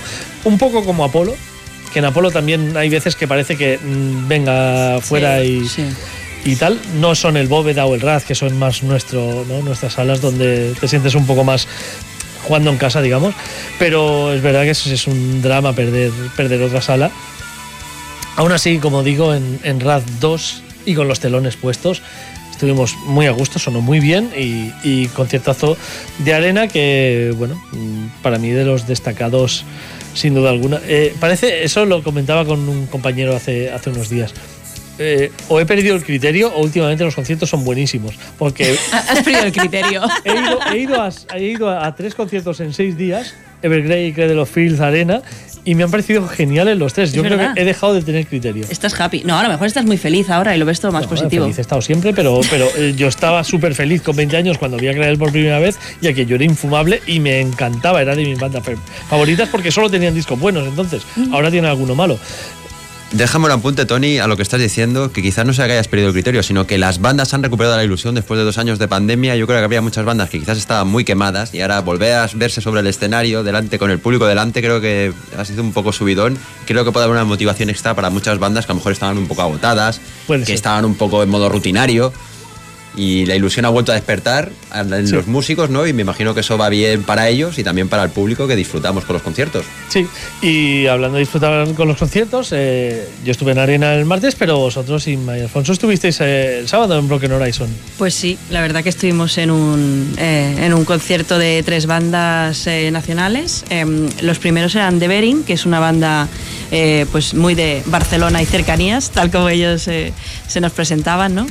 Eh, bueno, es una banda que todavía no tiene un álbum al completo publicado, o sea que buen telonero.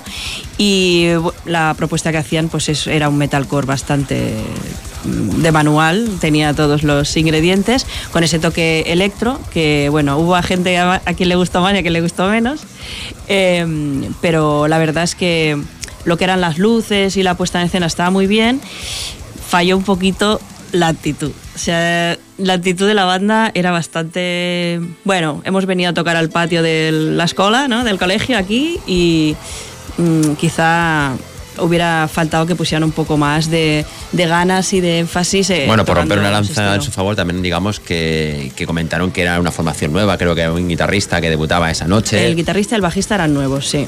También estaban un poquito de celebración porque era eh, también el cumpleaños de uno de los guitarristas, bueno, estaban rodeados de amigos. A mí, en cualquier caso, me pareció que dentro de su estilo hicieron un concierto, pues, bueno, o sea, gustaron, la gente se movió. Sí que me sorprendió, no sé a ti, el aspecto de la sala, que desde primera hora de la tarde, la verdad, no estaba lleno el bóveda, pero sí que estaba bastante concurrido y estaba bastante, bastante animado. Sí, sí, sí, había bastante gente de- desde primerísima hora.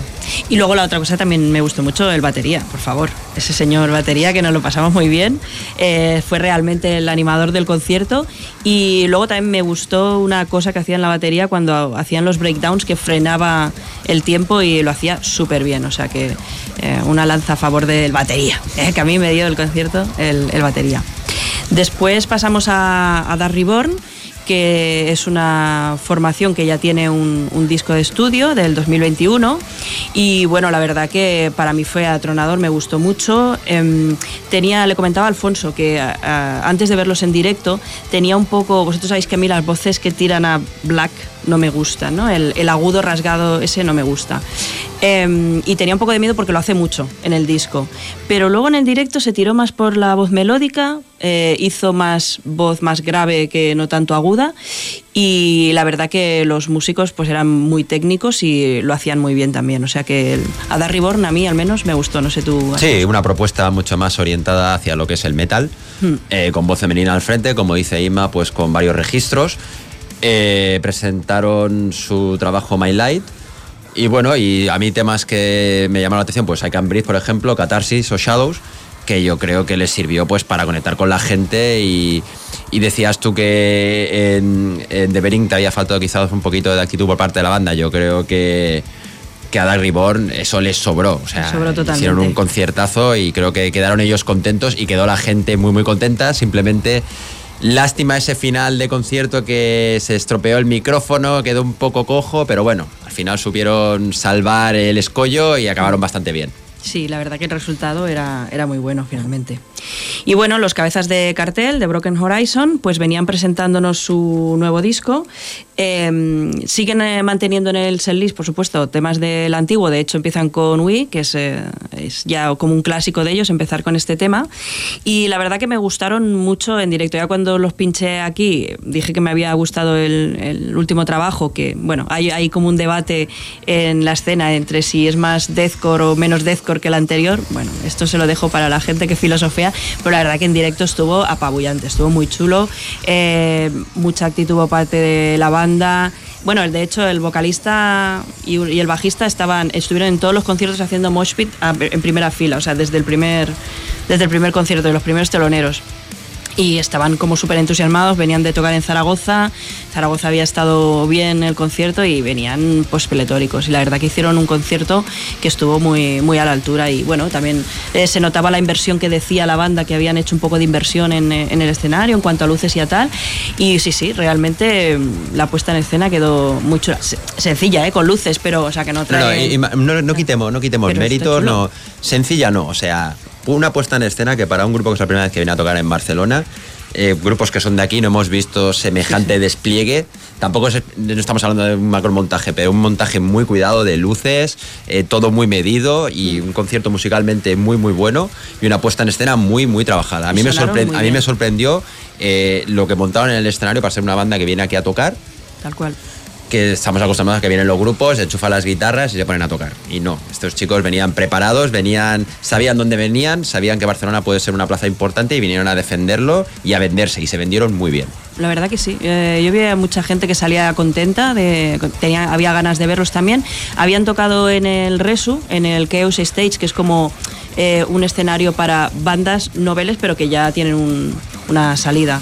Y de hecho, yo un año vi a Crystal Lake en el Chaos Stage y al año siguiente Crystal Lake tocó con los grandes. O sea, que es como un trampolín. Ese escenario es como un trampolín. Y creo que realmente estos chicos dan el perfil de, de ese escenario porque, o sea, se les ve que tienen como proyección de futuro, que tienen como. que se lo están organizando para pasito a pasito ir. Y, y que tienen hambre y se creen su película y eso es muy importante porque lo saben transmitir desde el escenario. Sí, la verdad que sí. Bueno, yo eh, contentísima. Me, me lo, lo disfruté mucho. Igual estoy en modo Tony también, que ahora to- todos los conciertos que a mí me gustan. Pero sí, sí, no, la verdad que fue un concierto muy bueno, mucha caña y la verdad que me lo pasé muy bien.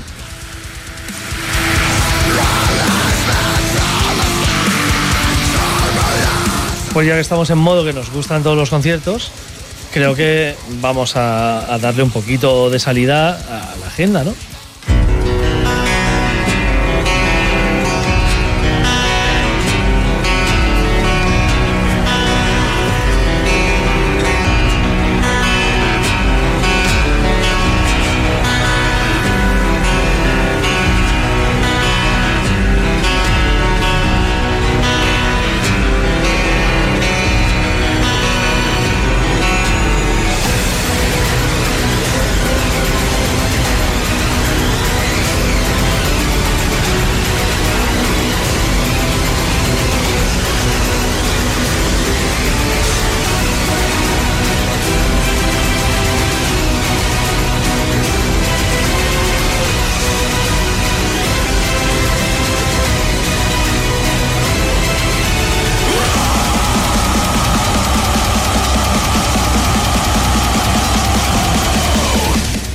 Xenia se meta en faena con los conciertos propiamente dichos, os hacemos un par de apuntes del Inedit, el festival de, de- de, bueno, que de documentales, de cine documental, que se está llevando a cabo ahora mismo en Barcelona, en los cines Aribau, y que tanto ayer como hoy ha tenido lugar la exhibición del documental de la Rock Sound. No he podido estar, no sé si Alfonso has podido ir. no- No, no he podido, no he podido ir, pero eh, conozco gente que ha estado y han salido bastante contentos. Totalmente. Hablaremos con Rafael, que es uno de los instigadores de- del tema. Y la semana que viene, el martes 1, se estrena ese Dreamers Never Die, documental eh, de Ronnie James Dio. Día 1 martes y día 5 sábado. Eh, son las dos sesiones en las que está programado Dio. Y ahora sí, documentales aparte, vamos con la agenda con Xenia.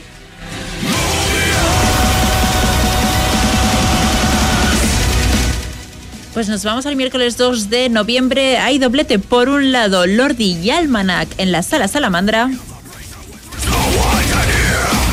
Y por otro, Centinex en la sala Upload.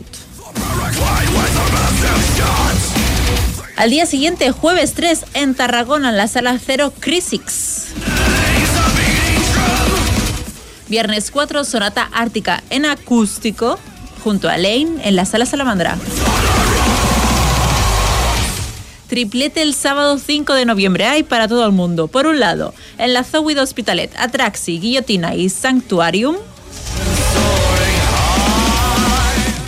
La otra opción es ir a ver a Crash Boys junto a Bella Bestia en la sala Bóveda.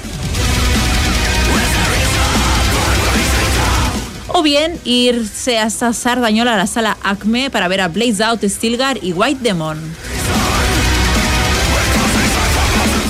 Domingo 6 de noviembre creo que nuestros compañeros Tony y Alfonso no van a estar aquí porque van a estar en la sala bóveda dando cabezazos a ritmo de Bloodbound y Aquelarre. Nos vamos al jueves 10, Volbeat, Skinred y Bad Wolf en San Jordi Club.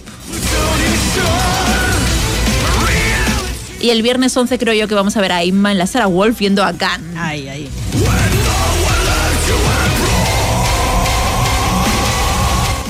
Sábado 12, Sepultura, Sacred Race y Crownbar en la sala Razmataz 2. Domingo 13, Barbarian Wars, Bok y Troy Cave, bueno, o Troy Cave, no, no sé si lo an- anglicitan o no, en la Bait Musica, en la sala de Sabadell. Jueves 17, Amorphis Elevated, Dark Tranquility y Nailed to Obscurity en la sala Razmataz. Viernes 18 en la sala bóveda Unbounded Terror, Dormant y Handle with Hate.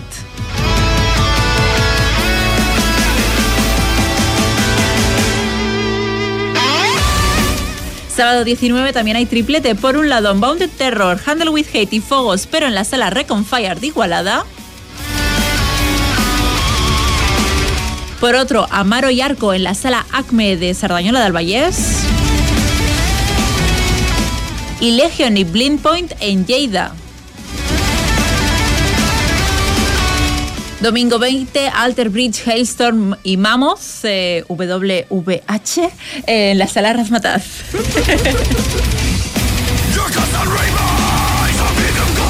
Lunes 21, Powerwolf, Dragon Force y Walkins en la sala Razmataz. Martes 22, y cuidado porque esta semana es mortal. Udo junto a Extens en la sala Salamandra. Miércoles 23 hay un doblete dolor- doloroso. Por un lado, Opet y Boybot en la sala Razmataz.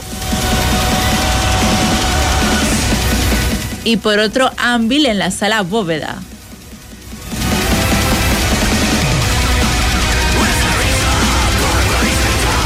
Viernes 25, Korgul, eh, Barbarian Wars y Metaton en la sala Bóveda. Sábado 26, Noctambuls en la sala Sidecar.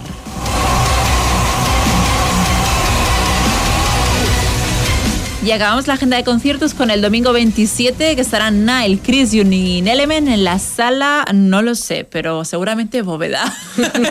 Tengo que mirarlo, pero creo que en Bóveda. si no, que sepáis que vienen Nile junto a Christian e Inelement el, el domingo 27.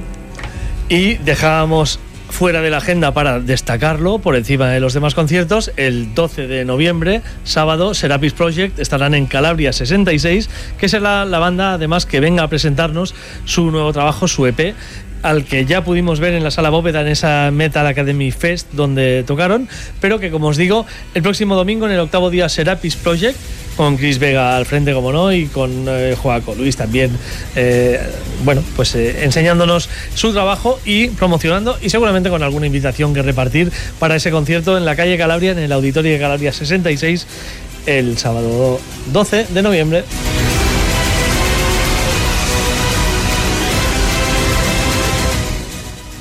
Pues un repaso extenso. El mes de noviembre viene fuertecito, ¿eh? Sí, sí, viene, viene cargado de conciertos al máximo. Así que yo, si os parece, me voy a ir así plancho a la oreja. que Tengo que estar descansado para, Bien visto. para, para asistir a alguno de ellos. Te, te vemos poco este, este noviembre por aquí, ¿eh? Me parece. A ver, a ver, veremos a ver. Oye, pues os iba a decir que si os parece, ya que la última fecha que has dicho del mes de noviembre nos habla de, de Noctambuls, la banda catalana que, está preparando nuevo disco, eh, un disco que se llama The One Sonambuls, que de hecho parecería un recopilatorio, ¿no? En, cierto modo, porque mm, es el típico título de un recopilatorio, pero es es un disco que, la banda nos, presenta y que del cual vamos a escuchar, si os parece, el primer single que nos adelantan. Esto es eh, Par Sempra y la verdad es que, bueno, no, no vamos a descubrir nada ahora. Suenan más que bien. Eh, son Ambuls que estarán el 26 en Sidecar. Eso es, eso es. Pues el primer single se llama Par Sempra Noctambuls.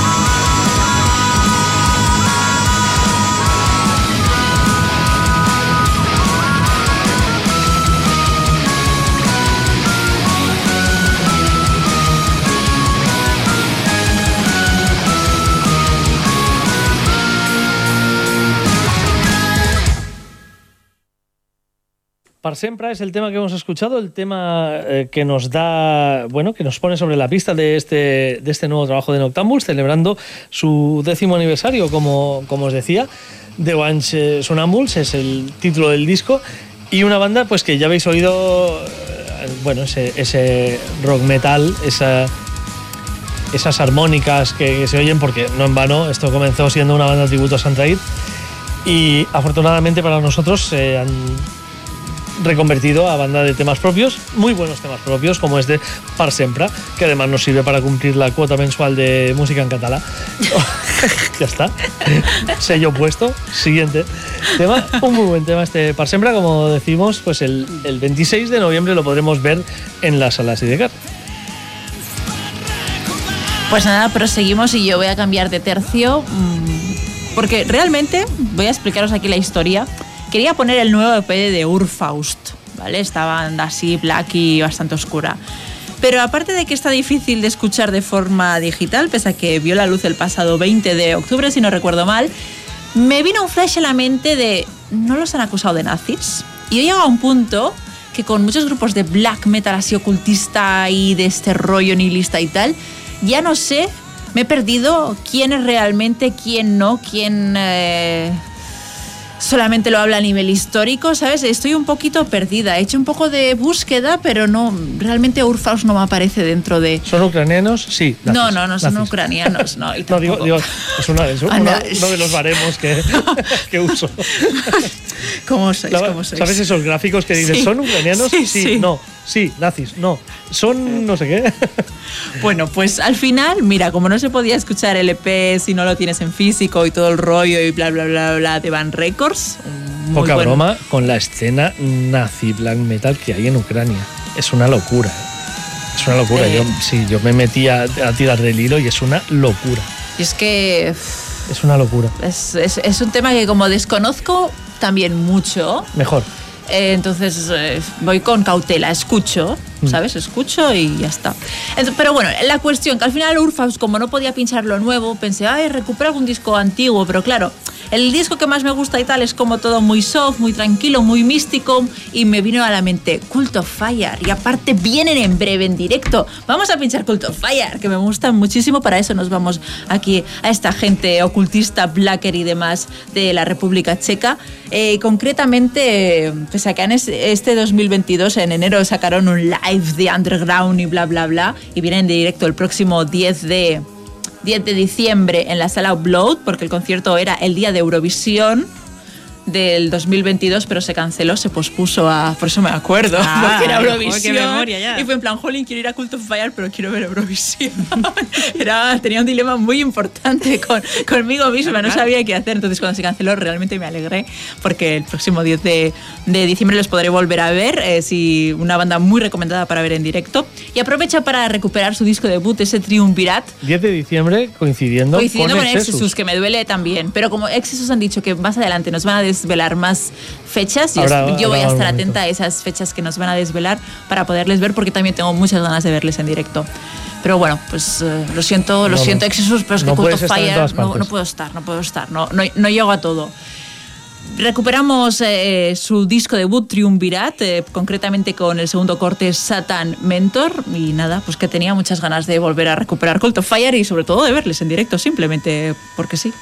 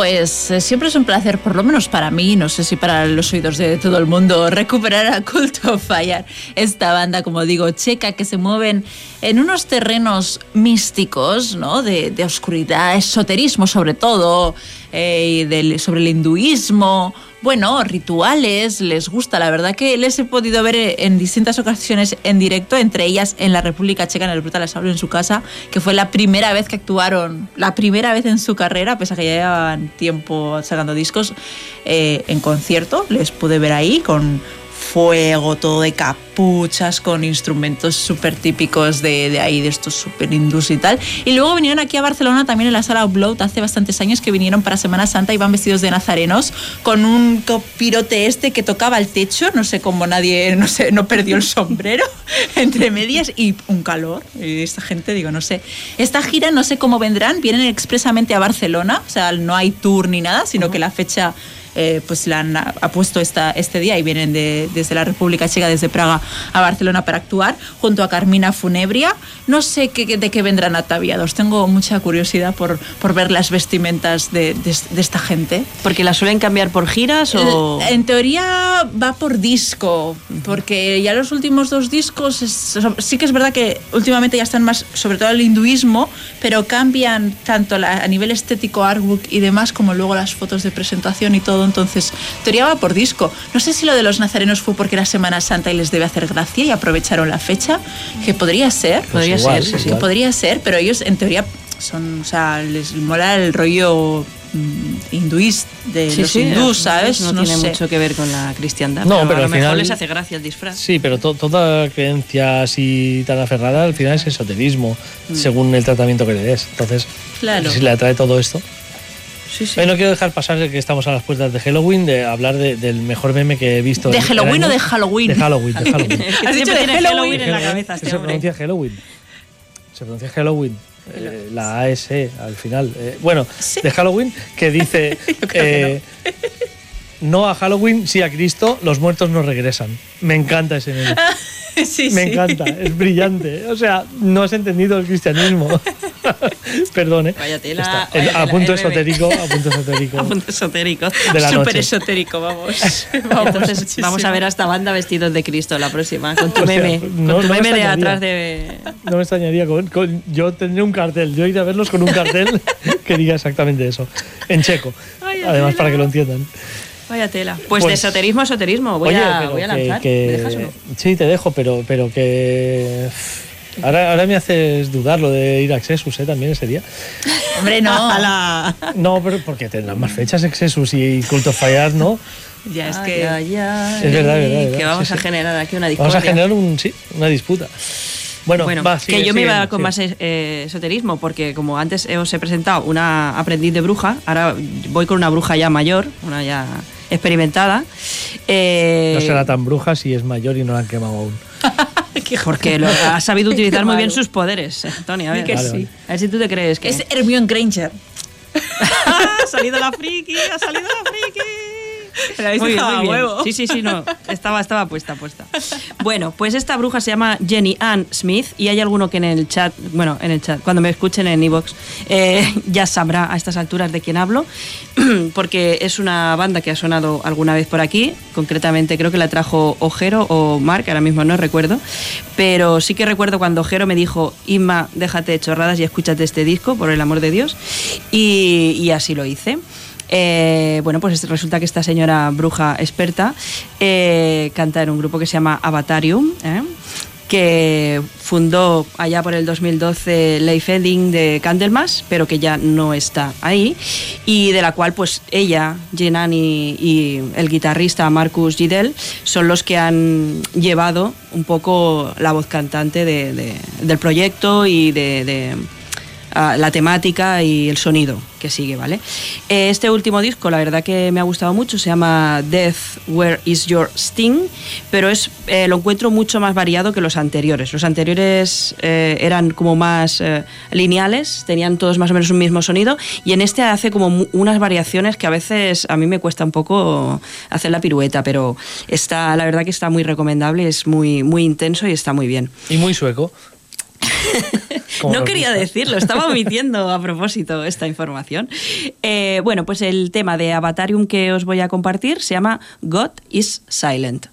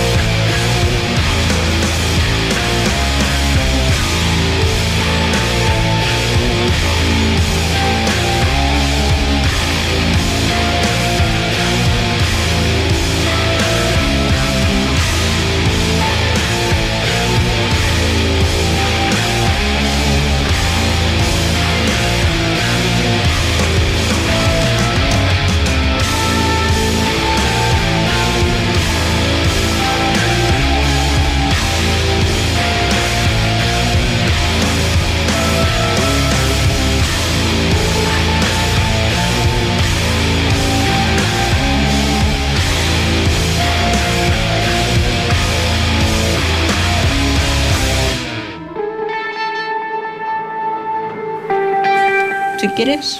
Bueno, pues esto era Avatarium, God is Silent, y como habéis podido ver, pues esta, esta bruja ya va con quilates, ya es un, un embrujo bastante más eh, oscuro que el anterior. Eh, como os decía, sale del quinto trabajo de esta banda que se llama Death, Where is Your Sting, que por cierto tiene una canción con el mismo nombre, eh, el álbum, que es muy chula. Y, nada, también he visto por ahí recomendaciones, lo que pasa que me falta echarle un ojo porque la gente que le gustaba este disco de Avatarium en concreto recomendaba un grupo italiano llamado Mesa, que no controlo. Sí, sí, sí, sí, sí. Yo te los puse aquí. Lo pasa que es difícil que te olvides. Y vinieron en directo el, pasado septiembre, el 20 y pico. Pues, mira, a mí Mesa me gustan, pero Avatarium me cuestan más. No, no digo que no me gusten. Me falta aún acabar de darle las suficientes escuchas al disco completo. Pero al final de Avatarium solo me quedo con lo que pincháis. Nunca me, me he ido más allá. Mesa son, yo creo que te van a gustar, pero son rollito más tirando para el stoner. Vale.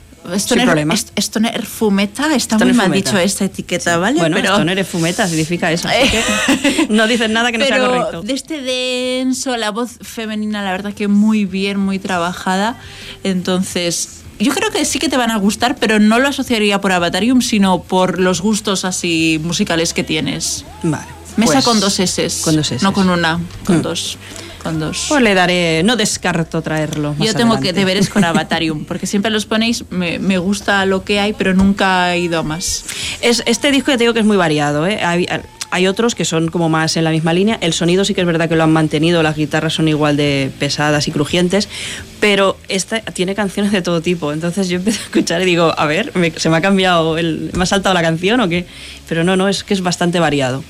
Lo que pasa es que tiene esa característica voz que es brutal y la guitarra suena todo el rato con ese cringe que tiene. Pero el resto, todo cambia. El resto de elementos, la baraja, han cambiado con las otras cartas. O sea, ¿Y, que y en directo chulo. qué tal? No lo sé.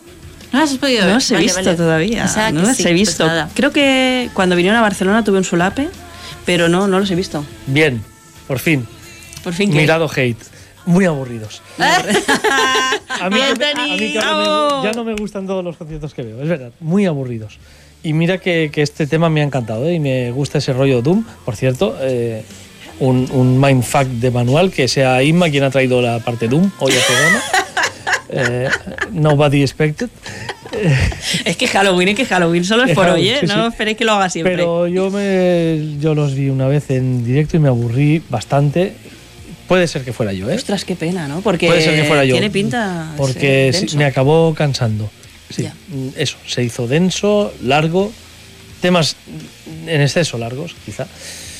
No sé, no, no soy la persona más indicada tampoco porque a mí hay discos de Avatarium que me cuestan, la verdad. Y, y este creo que no va a ser el caso. Este, este pinta muy bien, no lo he podido catar todavía, pero lo haré en breve. Eh, cambiamos de registro, no vamos con suecos, pero nos quedamos bastante cerca. Vamos. Y es que bajamos hasta Dinamarca para estrenar. Me sabe fatal que no esté Dani aquí, porque me encanta ver las caras que pone Dani cuando pinchamos cosas como esta. Y es que sí, amigos, amigas, el pasado viernes 28 de octubre veía la luz Dystopia 2, decimosexto álbum de estudio de una de las bandas más elegantes y con menos fallos en su discografía que conozco, que es Royal Hunt.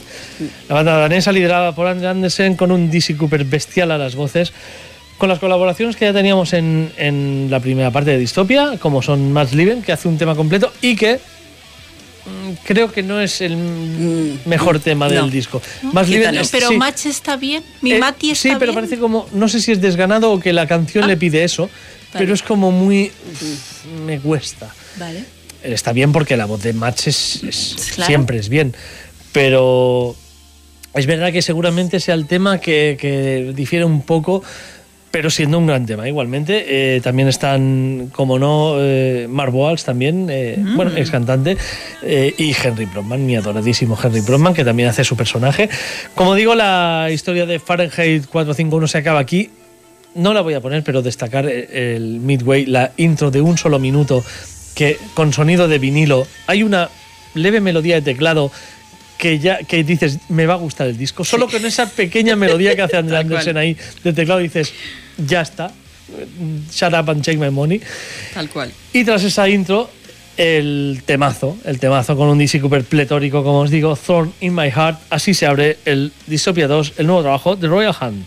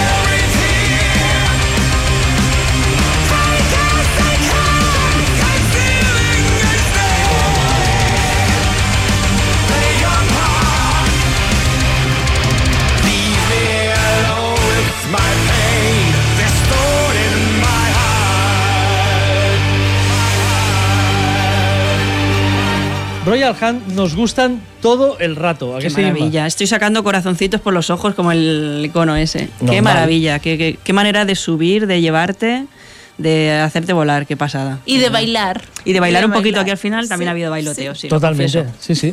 Eh, ciertamente un gran disco, Dystopia 2, un digno sucesor de Dystopia 1, que fue un disco que llegó en diciembre de 2020, si no recuerdo mal, porque además fue 16 de diciembre, además recuerdo hasta la fecha, porque nos reventó a Dani y a mí el top anual. Teníamos el top Oigan, anual ya 16 de diciembre. cerradito y, y llegó Dystopia y nos reventó los tops.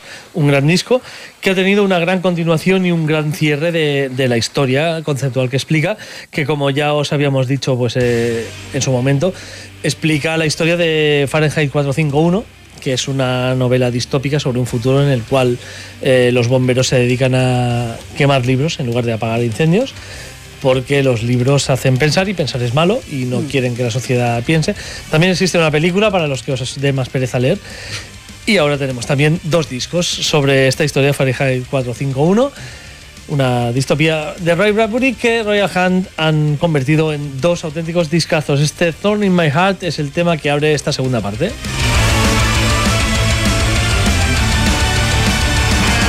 Es- es- lo hago con muy pocos discos, pero eh, voy a confesar una cosa que creo que les confesé a mis eh, compañeros por, por privado, por el chat del, del programa, y es que eh, existe un truco en Spotify que es... eh, Es verdad. Desa- el desa- truco de Spotify. desactivar la ubicación para que no sepa dónde estás y entonces decirle eh, la zona horaria Sydney.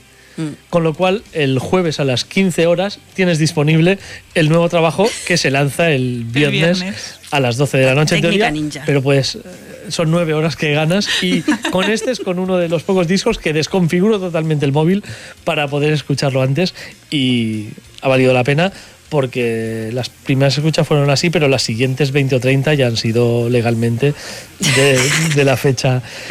Eh, Bueno, te hubiste fastidiado a Dani mediodía, porque tú ya habías empezado a escucharlo y Dani estaba ahí. Eh, sí, sí, sí. Que no lo había pero, oído. Bueno, un disco completísimo, un tema de 14 minutos que no acostumbra Royal Hans, sí que es verdad que hacen temas bastante largos, 7, 8, Mm. pero 14 minutos no es, no es algo habitual. Y en este caso, Scream of Anger. Scream of Anger. un Tema tema tremendísimo. brutal, brutal. Eh, y bueno, pues eh, como decimos, las colaboraciones habituales y un grandísimo disco nuevamente Royal Hunt. No defraudan. Eh, en breve haremos cositas con Royal Hunt, ya os informaremos. Con, con ellos, no, no, no, ¿sabes? O, o sobre. Sobre ellos. Sobre ellos, con ellos. es que- bueno, ya veremos. Ya veremos, ¿no? Eh, son gente muy. Bueno, se prestan a cualquier historia. y Además, Alessandra Sasha, que es la mujer de Andersen, es una persona majísima, súper cercana y a la que cualquier cosa que le pidas, eh, todo es ayuda y, y predisposición. O sea que quién sabe si con ellos o sobre ellos. Veremos. Pero haremos cosas sobre Royal Hunt porque se lo merecen. Una banda que siempre ha estado en segundo, tercer, cuarto término, que no suele acostumbrar a estar en festivales. Vino a Ripollet Rock hace unos años y fue como una cosa rarísima porque no, no suelen aparecer en carteles. Eh, pero que siempre, siempre es un gusto verlos en directo y, y sobre todo escuchar sus nuevos trabajos. Este Dystopia 2 no es menos. Royal Hunt.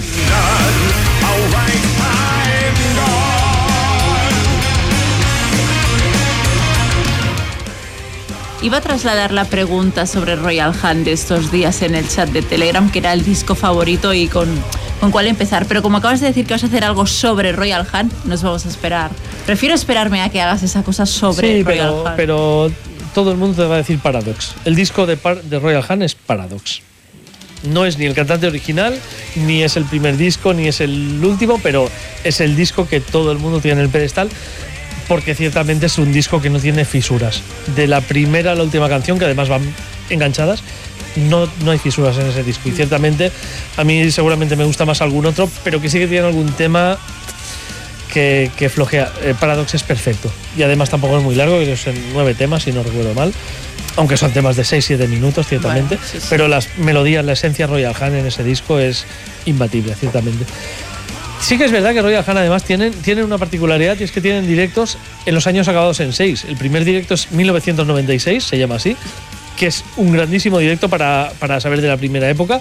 En 2006 hicieron otro directo con John West en este caso, que está muy bien para aprender también un poco de, de la etapa de John West. Y en 2016 también hicieron un 2016, ya con una carrera ya pues de más de 20 años. Luego hicieron un directo que se llama Cargo también hace, hace poco. Pero bueno, son una banda tan solvente en directo y además con tantos himnos que está muy bien. Es de las pocas que te puedo recomendar, tira de directo para ver, porque realmente escoge muy bien los temas destacados de cada disco y te haces una muy buena idea de, de lo que es la banda. Pero para Docs, para cualquier otra cosa. Pero vamos a salir de Royal Hunt porque tendrás más oscuridad en la que sumirnos, ¿verdad? Sí, sí, la verdad, como estabas diciendo que aquí es la que trae el Doom, digo, pues me he picado, me he picado. Joder. eh, no dicen que entre mujeres siempre hay malos rollos. Sí, sí, mira, sí, mira tú y rivalidad que yo, no estamos aquí, que estábamos un rato debatiendo sobre música y he pensado, mira que bien en un programa de metal, dos tías con conocimientos de metal, hablando de metal y debatiendo sobre metal. Eso pocas veces se ve. Eso, Eso, eso. pocas Y yo veces se ve. Interrumpiendo. ya Y tú vale. interrumpiendo. Micro, me qué cierro- señoro, qué señoro. Me cierro micro ahora mismo. Para nada, para nada, Tony. Eres más que bienvenido.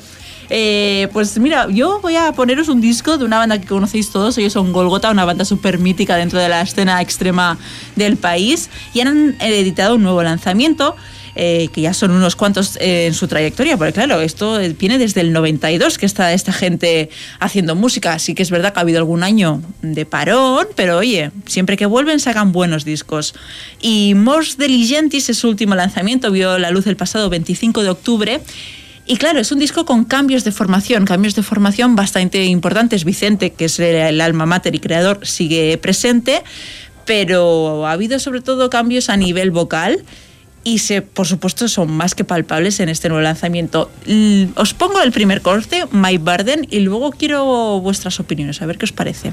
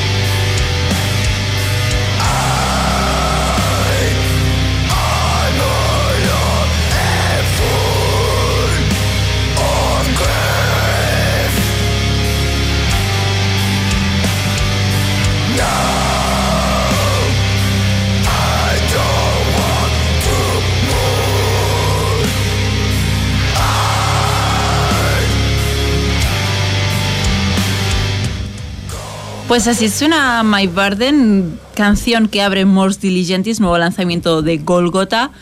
Y lo que os decía, para mí ha sido un cambio, porque por supuesto al haber un cambio vocal siempre se nota, creo yo, que es una de los a diferencia de otros instrumentos que se suelen notar como más a la primera escucha. Y aparte, baja- para mí, ¿eh? han perdido la esencia Golgota. O sea, Golgota siempre ha sido algo como mucho más crudo, un doom mucho más crudo, más denso, más putrefacto. Y aquí me ha recordado a bandas tipo Draconian y, ¿sabes? Que son todas mm, un mismo patrón y han perdido como su esencia. Sí, por lo menos... Este riff de fondo un poco Paradise Lost, incluso, ¿eh? Ese, Es que para mí vas a ser esa línea. vas a ser una banda más del montón que hacen este género y que ya no me suena nada a Golgota y que por tanto esa es, ese aura especial ya no está. Mm, No sé, no a sé mí si no he escuchado el coincidís. disco, este tema me ha gustado bastante. Pero es Sí, no digo que esté mal, solo que no me suena Ya, a Golgota, no, sí, ¿sabes? Cierto, sí. O sea, no es que Pero esté, bueno, esté ¿qué mal. es sonar no. a Golgota? Porque claro, mm, desde que ha regresado Golgota, Sí, ha a mí tampoco me suenan cierto. a lo que eran Golgota eh, Cierto. en los 90. Ya, Sonar a Golgota para mí es aquello de los 90. Los Golgota actuales quizá les permito más ya. este, este movimiento estilístico.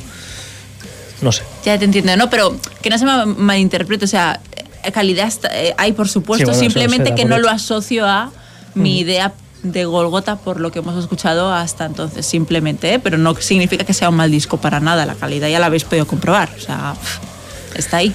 Totalmente. Nos vamos a ir, pero antes de irnos, Inma, ponnos algo que refresque esto, que nos deje la cosa bien arriba. Sí, yo creo que nos hemos caído un poco mucho de ánimo. Ya he visto que, que yo traiga Doom no es buena idea porque os bajo a todos y no, no es este mi cometido. Y como sigo en modo Halloween y la semana que viene vamos a tener unos monstruos por Barcelona, pues creo que qué mejor manera de cerrar el programa que con Lordi y un tema de, bueno, hace un año, si os acordáis, sacaron este eh, álbum de álbumes que, que había una variedad Cierto. increíble, que eran como 10 álbumes, cada uno en un estilo, donde hacían canciones en un estilo.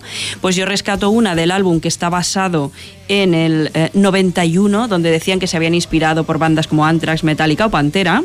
Y el tema que os pongo es eh, Abra Cadáver de Lordi de uno de estos álbumes.